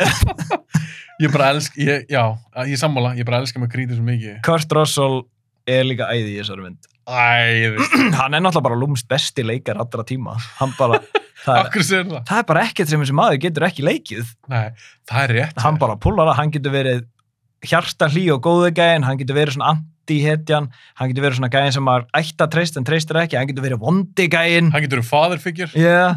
hann getur verið jólasveitnin. ég hef mitt voru að tala um um daginn við Bjarna með mig Mm. uh, um breakdown Já. með Kurt Russell, af því það leikur hann bara meðlangur Mm -hmm. en það er svo fyndið, þegar þú segir, hann getur leikið allt en svo leikur hann Snake Plissken Mm -hmm. sem er grjótarður Mm -hmm. og eitthvað svona venjulega gaur sem bara "Hah, hvað er kona mín, hvað er Já, já, kona mín nákvæmlega. Skilur, og svo þú segir, jólasennin og, hann- og eins og í, í Vanilla Sky Já. sem ég var eiginlega búin að gleyma, það er eitthvað sem myndi maður í podcastinu Mm. þar leikur hann svolítið svona father figure, eitthvað svona mentor Já. skilur Svo leikur hann hérna sheriffin í Bone Tomahawk. Já, það er svo gefðu ykkur leikar. Mm. Ok, ég það... Kurt Russell er besti leikari alltaf. Hann er það! Hver elskar ekki Kurt Russell? Einmitt og líka sko, ég, ég veit að ég er straight kartmaður en Kurt Russell með skeggmaður, holy crap. Er hann með flottasta yfarskegg sem við séð í Hollywood? Mm, sko, var, Flottara saman ljótt? Ég get ekki alveg sagt það, Ó. en mér finnst hérna, þegar hann er með svona sítt hár, síða gráa hárið og svona, svona pínu úfið skegg en ekki allt og mikið, þetta er það svalasta eimi. Hvernig fannst hann þessi lúkja eins í Hateful Eight? Walrus mustacheið. Mustacheið hans fekk fucking sound effect. Tek, hefur, tókst aldrei eftir því? Þegar hann er að tala um If you're telling me you're the new sheriff of Wood Rock, eitthvað, Ó. Red Rock, Ó. it makes me wanna horse laugh. Það kemur svona fum þegar hann tvörla mustacheinu. Ó, ég er búin að sjá hann oft, ég mundi ekki eftir því. Það er hérna, ok, er En já, Kurt Russell er æði. Það er ekki hægt að hata hann á mann. hann með einhversið þitt? Já. Já. Hann og Jón McGregor, sko. En, Já, þú elskar Ewan McGregor. En náttúrulega Kurt Russell er líka þetta er svalasti leikari í heimi. Hann er ógist að svalum. maður. Eins og ég segi, ég elska Kurt Russell. það er náttúrulega ekki hægt en að elska hann ekki, sko. En svo líka hann og Carpenter eru svo rosalega skemmtilegt heimi. Mm En tal, að því við erum að tala um Carpenter. Mm. Og það þeng, Masterpiece, ég hef ekkert mikið við að bæta, ég, hún nummer eitt hjá mér. Já. og bara ég elska þessa mynd og en, en karpið myndnar Mm. í danstu Toma finnst þér að eldast vel yfir höfu Nei. af hverju eldast það svona misvel Ég held að það sé, sami leikstur já, ég veit það ekki. Ég held að þetta sé bara eitthvað svona, hann leggur of mikla ástriðu í myndirnar sem eru verulega góðar og þær eldast alveg ágætlega vel. Þetta er hann availability heuristic. Þetta er það sem þetta heitir. Þetta er alvöru törm. Þetta er eitthvað sem hvað ég... er það? Þetta er, þetta er, ég týndi þessu törmi í fyrsta þetturum okkar. Ég nefndi þetta þá. já, varst, vo- þegar vorum að Við vorum að tala tala um Shane Black já, ok já, og Shyamalan. og Shyamalan Þú leggur svo mikla ástriðu í eitthvað ah, og þeir gengur vel þá gerur það ennþá betur næst og þú ert Mhm. að leggja í, já, ennþá, þú ert að gera sömu ástriðu eins og Shyamalan skrifar Six Sense tíu sinum snildar fokk í bíómynd hann, og hann er búin að leggja endalsa vinni í Unbreakable, önnur gargan er snild Signs, ok, þú veist ég er þessi sæns hún er alltaf lagi, en fattar en hún græðar endalsa pening og Já, já. hann elskaði Signs og síðan leggur hann aðeins og mikla ástriðu í The Village sem fer misvel í fólk og það er einhvern veginn svona, það, það plantar þessu síti í að þú ert að þá var hann farin að leggja áherslur á ranga hluti þetta er eins og Shane Black hann leggur svo mikla ástriði hvert einasta handrið sem hann skrifar mm -hmm. en síðan bara varð hérna Long Kiss Good Night, hún bara tankaði og það er náttúrulega saman Gina Davis af því hún náttúrulega gerði þarna Cutthroat Island sama ár en Loki skutt nætti góð já en þú veist hún bara græðir engan pening nei, nei, ég og, ma- myndi því og, og critics voru ekki þar hrifnir á hún eitthvað hannig og Shane Black skrifar ekki annað handrit í bara 8 ár, hann, bara, hann fann bara fyrir ég geti þetta ekki lengur og það er engin ástriða en hann fóð líka, sorry, hann Mm. mm. fóð líka sann eins og ef ég mændi rétt Mm. á þeim tíma, þegar hann selur Loki skutt nætt mm. þetta var dýrasta handrit sem hafi verið keift já og hann fóð sem bara okkur kóka en bender sko. mm. en með Carpenter, hann leggur bila ástriði Halloween mm hún græðir allan heimsins pening allan með yfir tíman og síðan sko kemur The Thing sem er bara ein besta bíómynd allra tíma en gaggrinundur hatana og hún græðir, hún græðir ekki kanil og síðan gera hann og þá leggur hann samt alveg svona góða ástriði Escape from New York sem fólk dýrkaði en það er alltaf, það er alltaf eins og engin af myndunum hans næra væri jafn góð og fyrri, Anna, það er annarkvort svona annarkvort er hún bara miklu betri eða töluvert verri og það býr til þetta svona á þessum availability heuristic skala hann er eitthvað off Mm. Þannig ég held að það sjást að einhverju myndendar hans eldast með þessu vel. Ég held að þetta sé bara, þú veist, hann veit ekki hvað hann er að leggja ástriðuna lengur. Hve, hvernig finnst þér að skeið frá New York allast? Mér finnst hann alltaf vel. Ah, Já, mér, mér finnst hann æði. Hún er með svo gott soundtrack. já, en gerir hann ekki bara tónlistar sjálfur? Jú. Er hann ekki aftur sem þetta?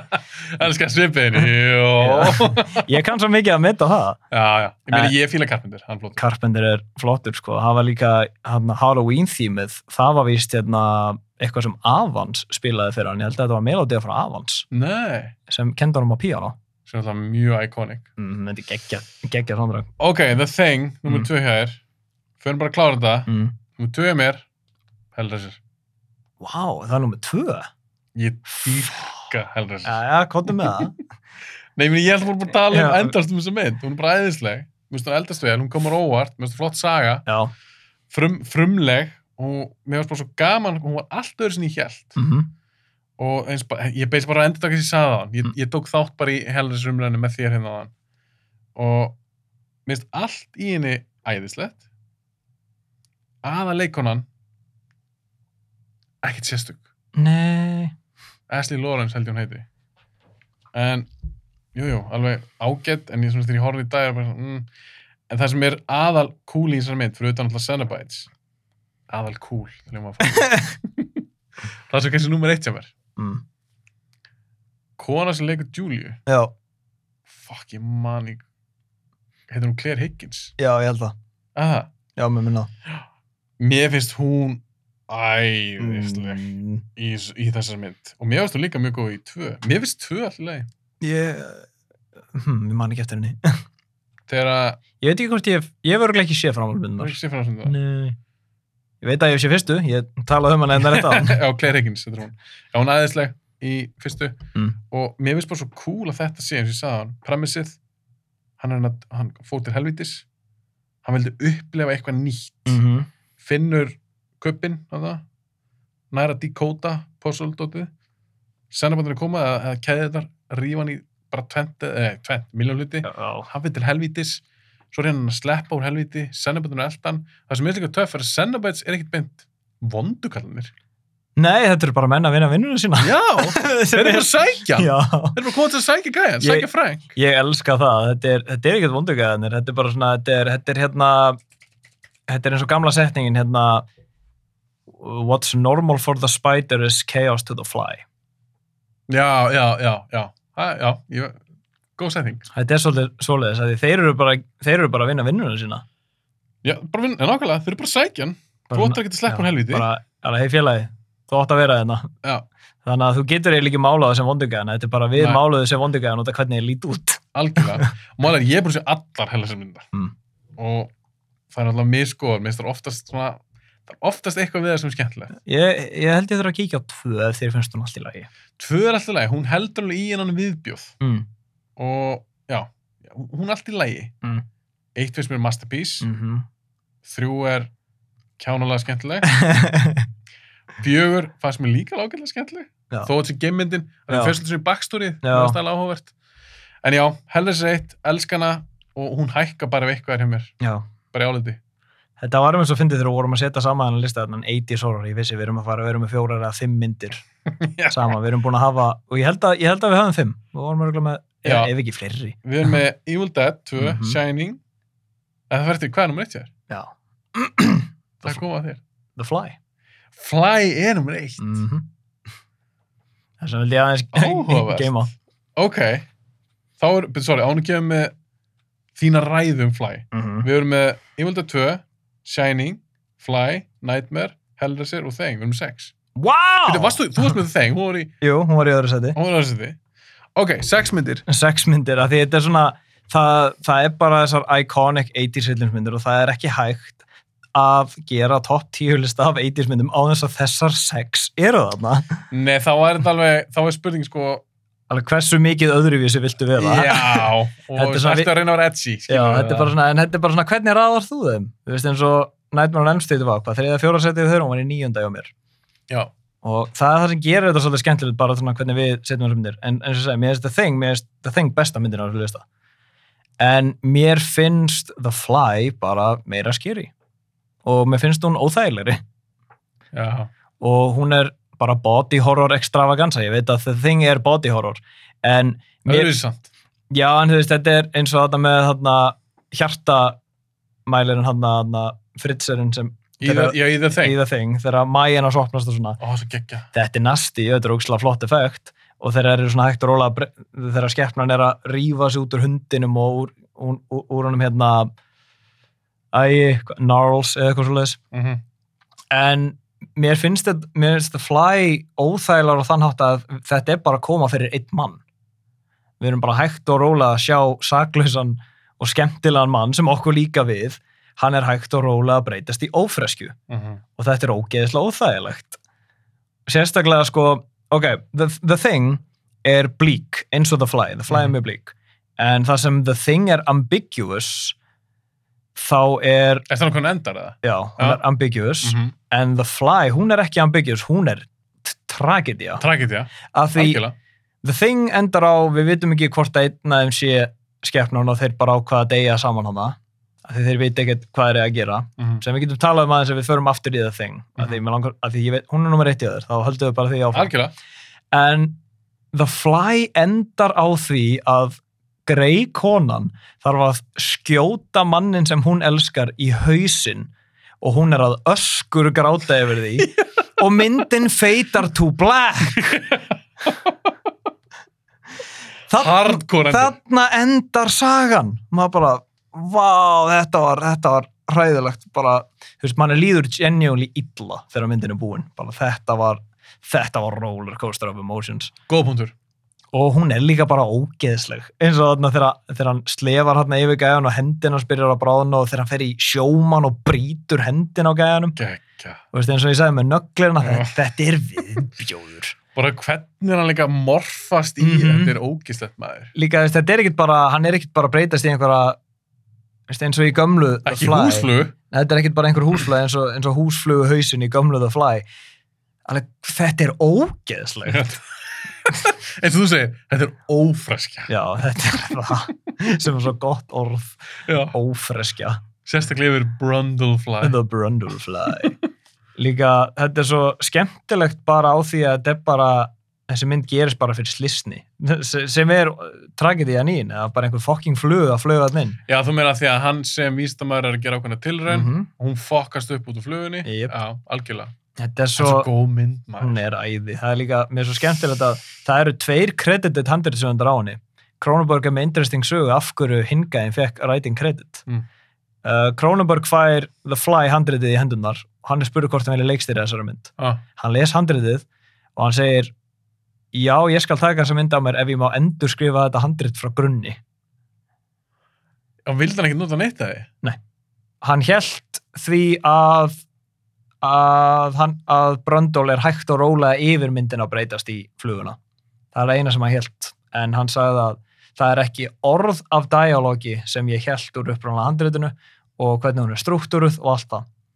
En, hann- en hingæðin fekk kredit að því Kronenberg vildi gefa hingæðinu ræting kredit Ah. þótt að hann er basically búin að gera glæði nýtt að því Ah. hann sagði handritu mitt hefði aldrei verið til ef, ef ég hefði ekki fengið hans í hendunar. já, já, já, Þannig að hún er með tvo credited writers en það er ekkert af upprónlega handritinu frá hinungaðinu. basically bara myndin sem við sjáum er handrit eftir Kronenberg Já, alveg bara Mhm. 100% typed up af Cronenberg. En hann sagði, then again, ef ekki fyrir handriti sem ég fekk, þá væri mitt ekki til. nei, He- Hefurðu heyrt af áður en Cronenberg fekk þetta, þá átti þetta að vera Tim Burton Michael Keaton project.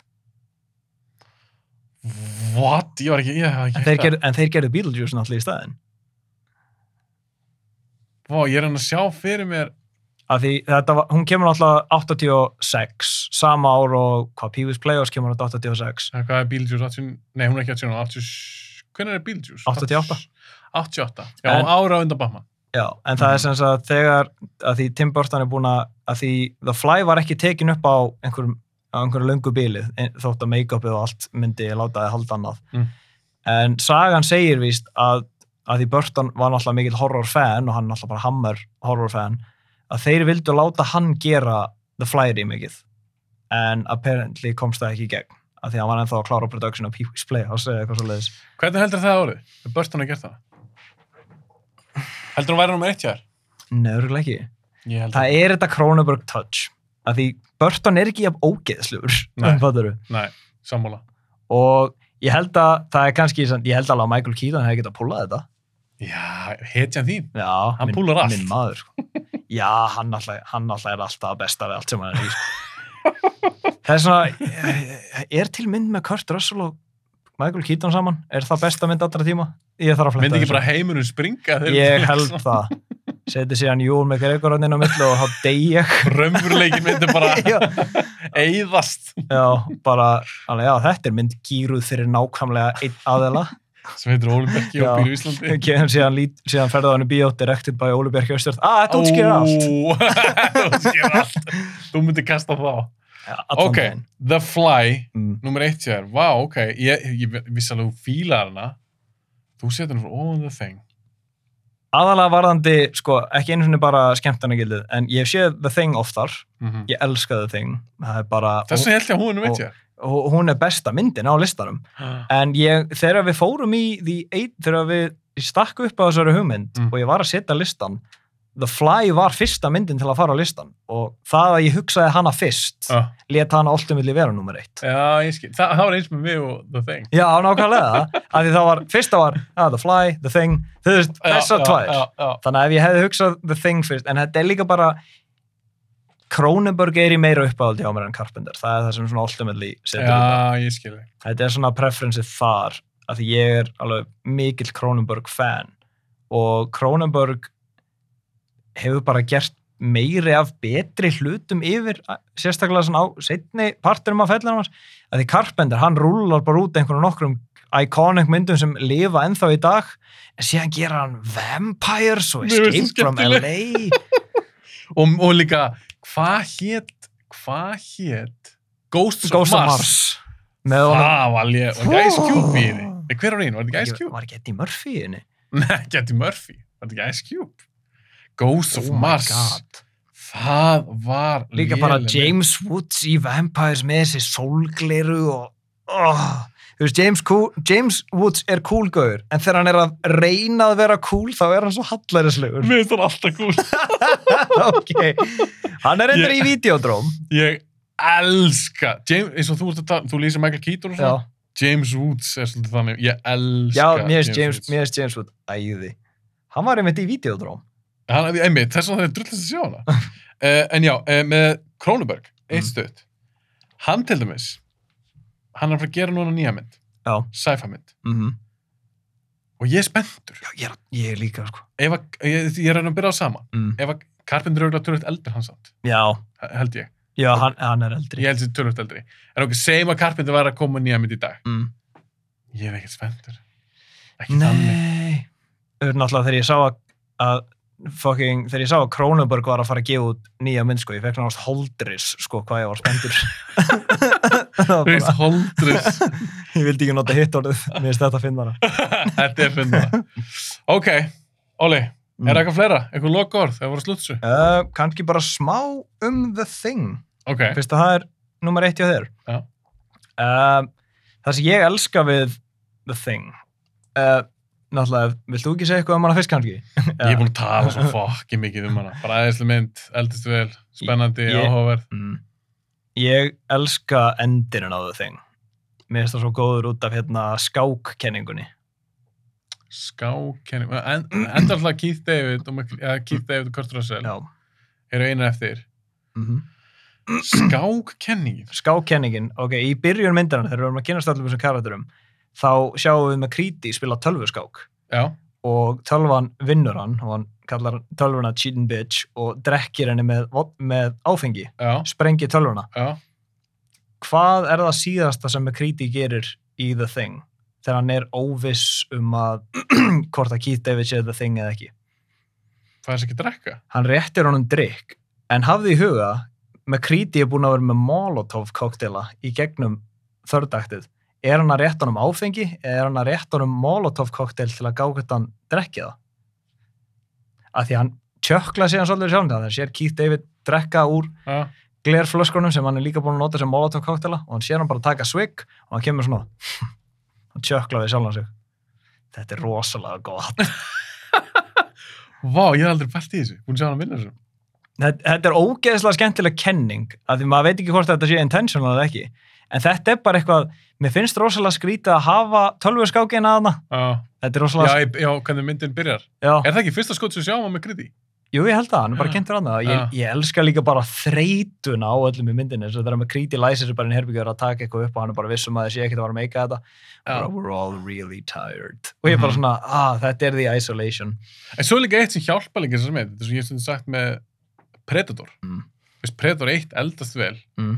mun betur en 2 hlutum þess. Já. En það er líka því að hún gerist í frumskói. Frumskói í dag er alveg eins og hann var 87. Já, Þarna, þetta er bara þessi kallar, eitthvað svolítið raskati, bara í snjó, einangrun. Það er svolítið, skilur, þó um þið gera þessa mynd í dag, mm. er hún eitthvað mikið öðruvísi. nei, Skilur, útlistlega, jú, tölvun alltaf væri nýri og eitthvað svona. já, en bara það element mm. eldist ekkert. nei, alls ekki, sko. Og hún er, the thing er rosalega góð svona Lovecraftian saga.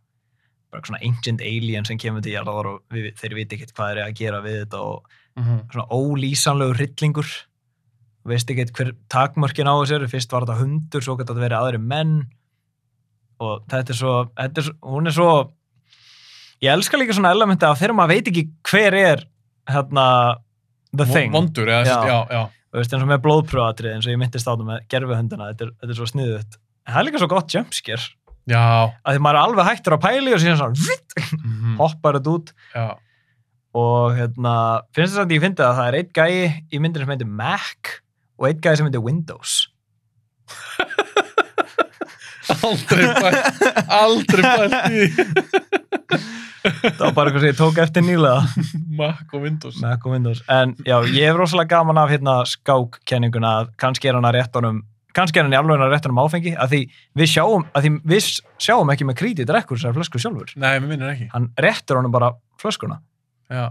og hann tekur bara sveik og hann bara svona Svo er líka, það er líka töff, ef við fyrir aðeins aftur í byrjunina, já, að því við fáum að sjá, var þetta ekki norskt? lið? Jú, jú. Já.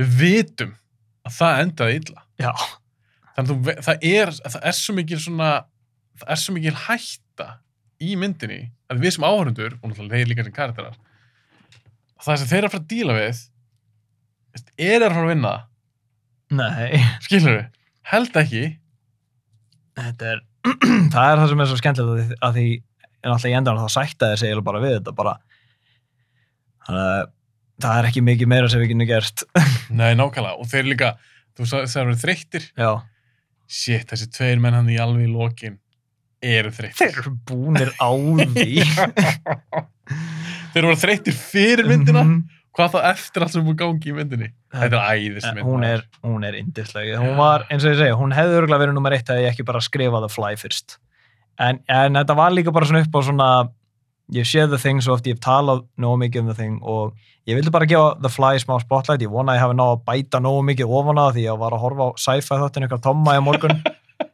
og ég var bara svona, oh shit, hann stalur svo frá mér Og ég segi, já, bara að segja þér núna því að þáttur ekki komin út mm, í þætti 2 af sæfa þættir já, þá kemur það þeng til tals já þá segi ég bara ég ætla að giska núna því að Ólaf getur að sjá hann þáttun að við erum búin að taka upp ég ætla að giska sem báðum með það þeng Já, á næstu á réttu. næstu, við vorum með hann í to- þú, þú varst nú- með hann nummer eitt og ég nummer tvö Já. sem var skemmtilegt að því eins og ég sagði, það hefði auðveldlega geta verið að við vorum báða með sömu nummer eitt að því þessar 80s hryllingsmyndir maður setur þar alltaf bara svona, þetta er alltaf sömu mynda fyrir bara eftir hvernig maður aða þeim en sérðið samt, nú erum við búin að fara yfir þessar myndir Mm. þessar lista hjá okkur svo þurftum að gera 90s við tölum aðeins um þetta í byrjunni Já. Þú veist, þetta er bara ekkit sambarilegt Nei, við bara mistar að verkin The, bara The Fly er betur en allt sem var gert innan Já.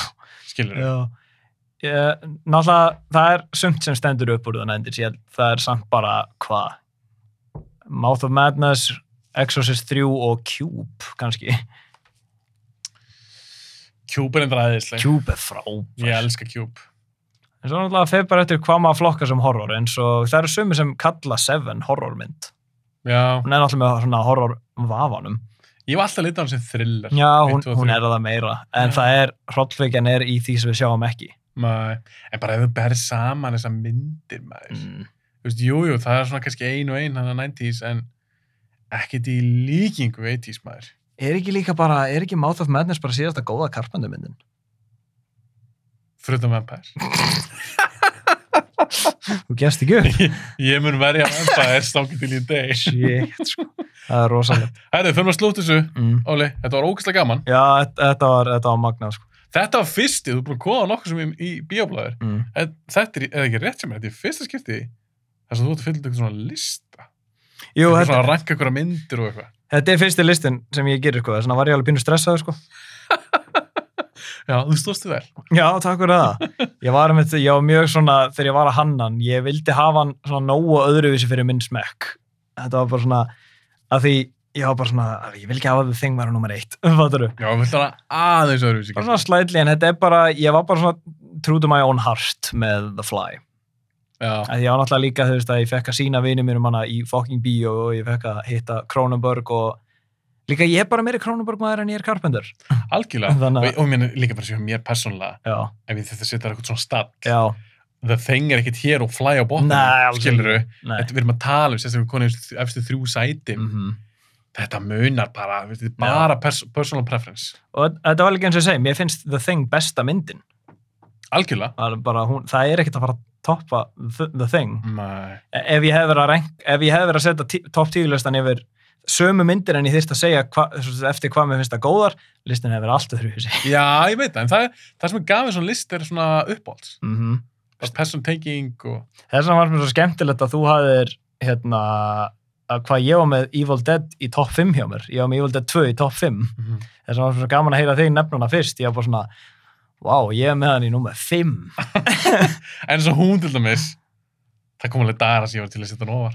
Já, stundum, stundum er það svona, þú veist, eins og ég sagði, ef þú spyrir mig, komast þið betri, ég vildi að tvö eða Army of Darkness, það er bara svona, býttu, hvort horfði ég á síðast? Já, emmitt. Það er alltaf eftir svo- svona ákveðnum gildi varandi það er og líka bara ég er Sam Raimi fanboy, sko. Ég var- Algjörlega, Mér maður. langar svo að hitta þennan mann, mér langar að faða mann. Eitt daginn gerist það kannski. Já, Herru. ég, ég vona það. Slóttum svo leið, takk fyrir að koma þér. Takk fyrir að fá mig.